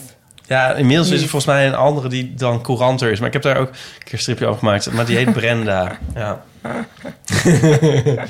Maar, ehm, nou nee, maar je, hebt toch, je had toch vroeger in Engeland... ehm waar dat sommige is- van onze luisteraars wonen... eh, van die pubs waar vrouwen niet in mochten. Nou, vind ik belachelijk. ja. Nou, dat is, dat is dan dit toch eigenlijk ook? Ik zit een beetje... Of zit ik gewoon... Een, Er is zo'n... gra- oh, Ja, ik moet nou zo- aan een slechte grap denken. Oh, sorry. Ja. Ja, ja, als mannen van Brenda geflikkerd worden, dan weet ik niet of het, of het meteen Nee. erg is. Ja, maar goed, sorry. Nee. Ja, maar die grap die is eigenlijk... Is dat dan geslagen? Is dat... Nee, is Ik dat neem niet? het weer terug, Je ook, bent, dit is de derde keer deze podcast dat je, dat je een grap inslikt. Ja, echt? Ja, je zit heel erg op de zelfcensuur. Ja, ja. nee, maar... Het komt omdat ik het zit dacht aan de grap met de strip over Brenda. Maar ik kan die grap... Weet ik niet meer, maar... Moest ik aan een soort gerelateerde grap denken, maar die heeft er helemaal niks meer mee te maken. Dus dan, heeft het ook, dan leidt het alleen maar af. Ja. Dus het is in dit geval niet echt zelfcensuur, maar meer... Gelukkig heb je er wat te drinken bij. Snap je? Mhm. Ja. Ik, kan- nu zit ik wel... Nou, mijn hele punt over vrouwen op Grindr staat ook nergens op. Heb je hem stopgezet? Eh, nee. Oh, ik dacht dat. Wa- Was dit, heb je nu gecureerd of waren dit alle inzendingen? Zo, nou, zo dit was natuurlijk van alle inzendingen was dit? dit? wel de top. Het leesje van de zalm. Sorry dat we niet aan alle vragen toe zijn gekomen. Maar blijf bellen. Naar de eeuwofoon 06. 06 1990. Wat was het nou? 68, 71. Ja. Ja, eh, de eeuwofoon. En dan eh, s- laat daar je berichten, vragen en eh, opmerkingen en dingen achter. En dan eh, behandelen we het. En dan komt het hier lekker binnen op ons telefoontje. Superleuk. Dat was de eeuwofoon. Ik sluit het een beetje af. Ja. We zijn langer dan we ooit zijn geweest, volgens mij. Oh, Jezus, wel hoor. En we zijn 2,5 uur. Bijna 2,5 uur. Ik moet naar huis. Ja, ik, eh, ik lees even heel snel de iTunes-reacties voor. Hans Lodewijk die schrijft eh, elke aflevering een feestje. Björn Frank die schrijft... Heerlijk als een podcast gemaakt wordt door een ervaren radiomaker.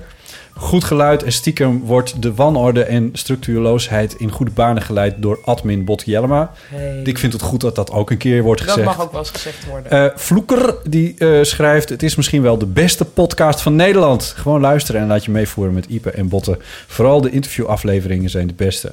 Dit sluit jou een beetje uit, Pauline. Ja. Sorry. Op meerdere manieren. JVM 1971. Mooi jaartal. Eh, geweldig om naar te luisteren. Gezwets over niets met heel veel inhoud. Ga zo door. En nog een keer met Nienke. Nou, misschien gaan we dat wel doen. Niet op korte termijn, maar wel eens een keertje. Iper, dankjewel. Je zit alweer te ik zat al twitteren. telefoon. Ja, omdat, eh, iemand vraagt waar ik blijf. Nou, hier. En ehm eh dankjewel dat je er was voor deze keer. Of was dat ook tegen mij? Oh Ja. dat is alleen Ik- tegen ja. jou. Jezus. Bedankt. Ik bedoel, graag gedaan, weet ik veel. Paulien, dankjewel. Moeten we, moet, Ik jou- vond het superleuk. jouw premièreweek is al haast, haast, is al haast uitverkocht volgens mij. Ja, dat geloof ik ook, ja. Dus de, Maar ik, eh, de, de luisteraartjes zitten overal.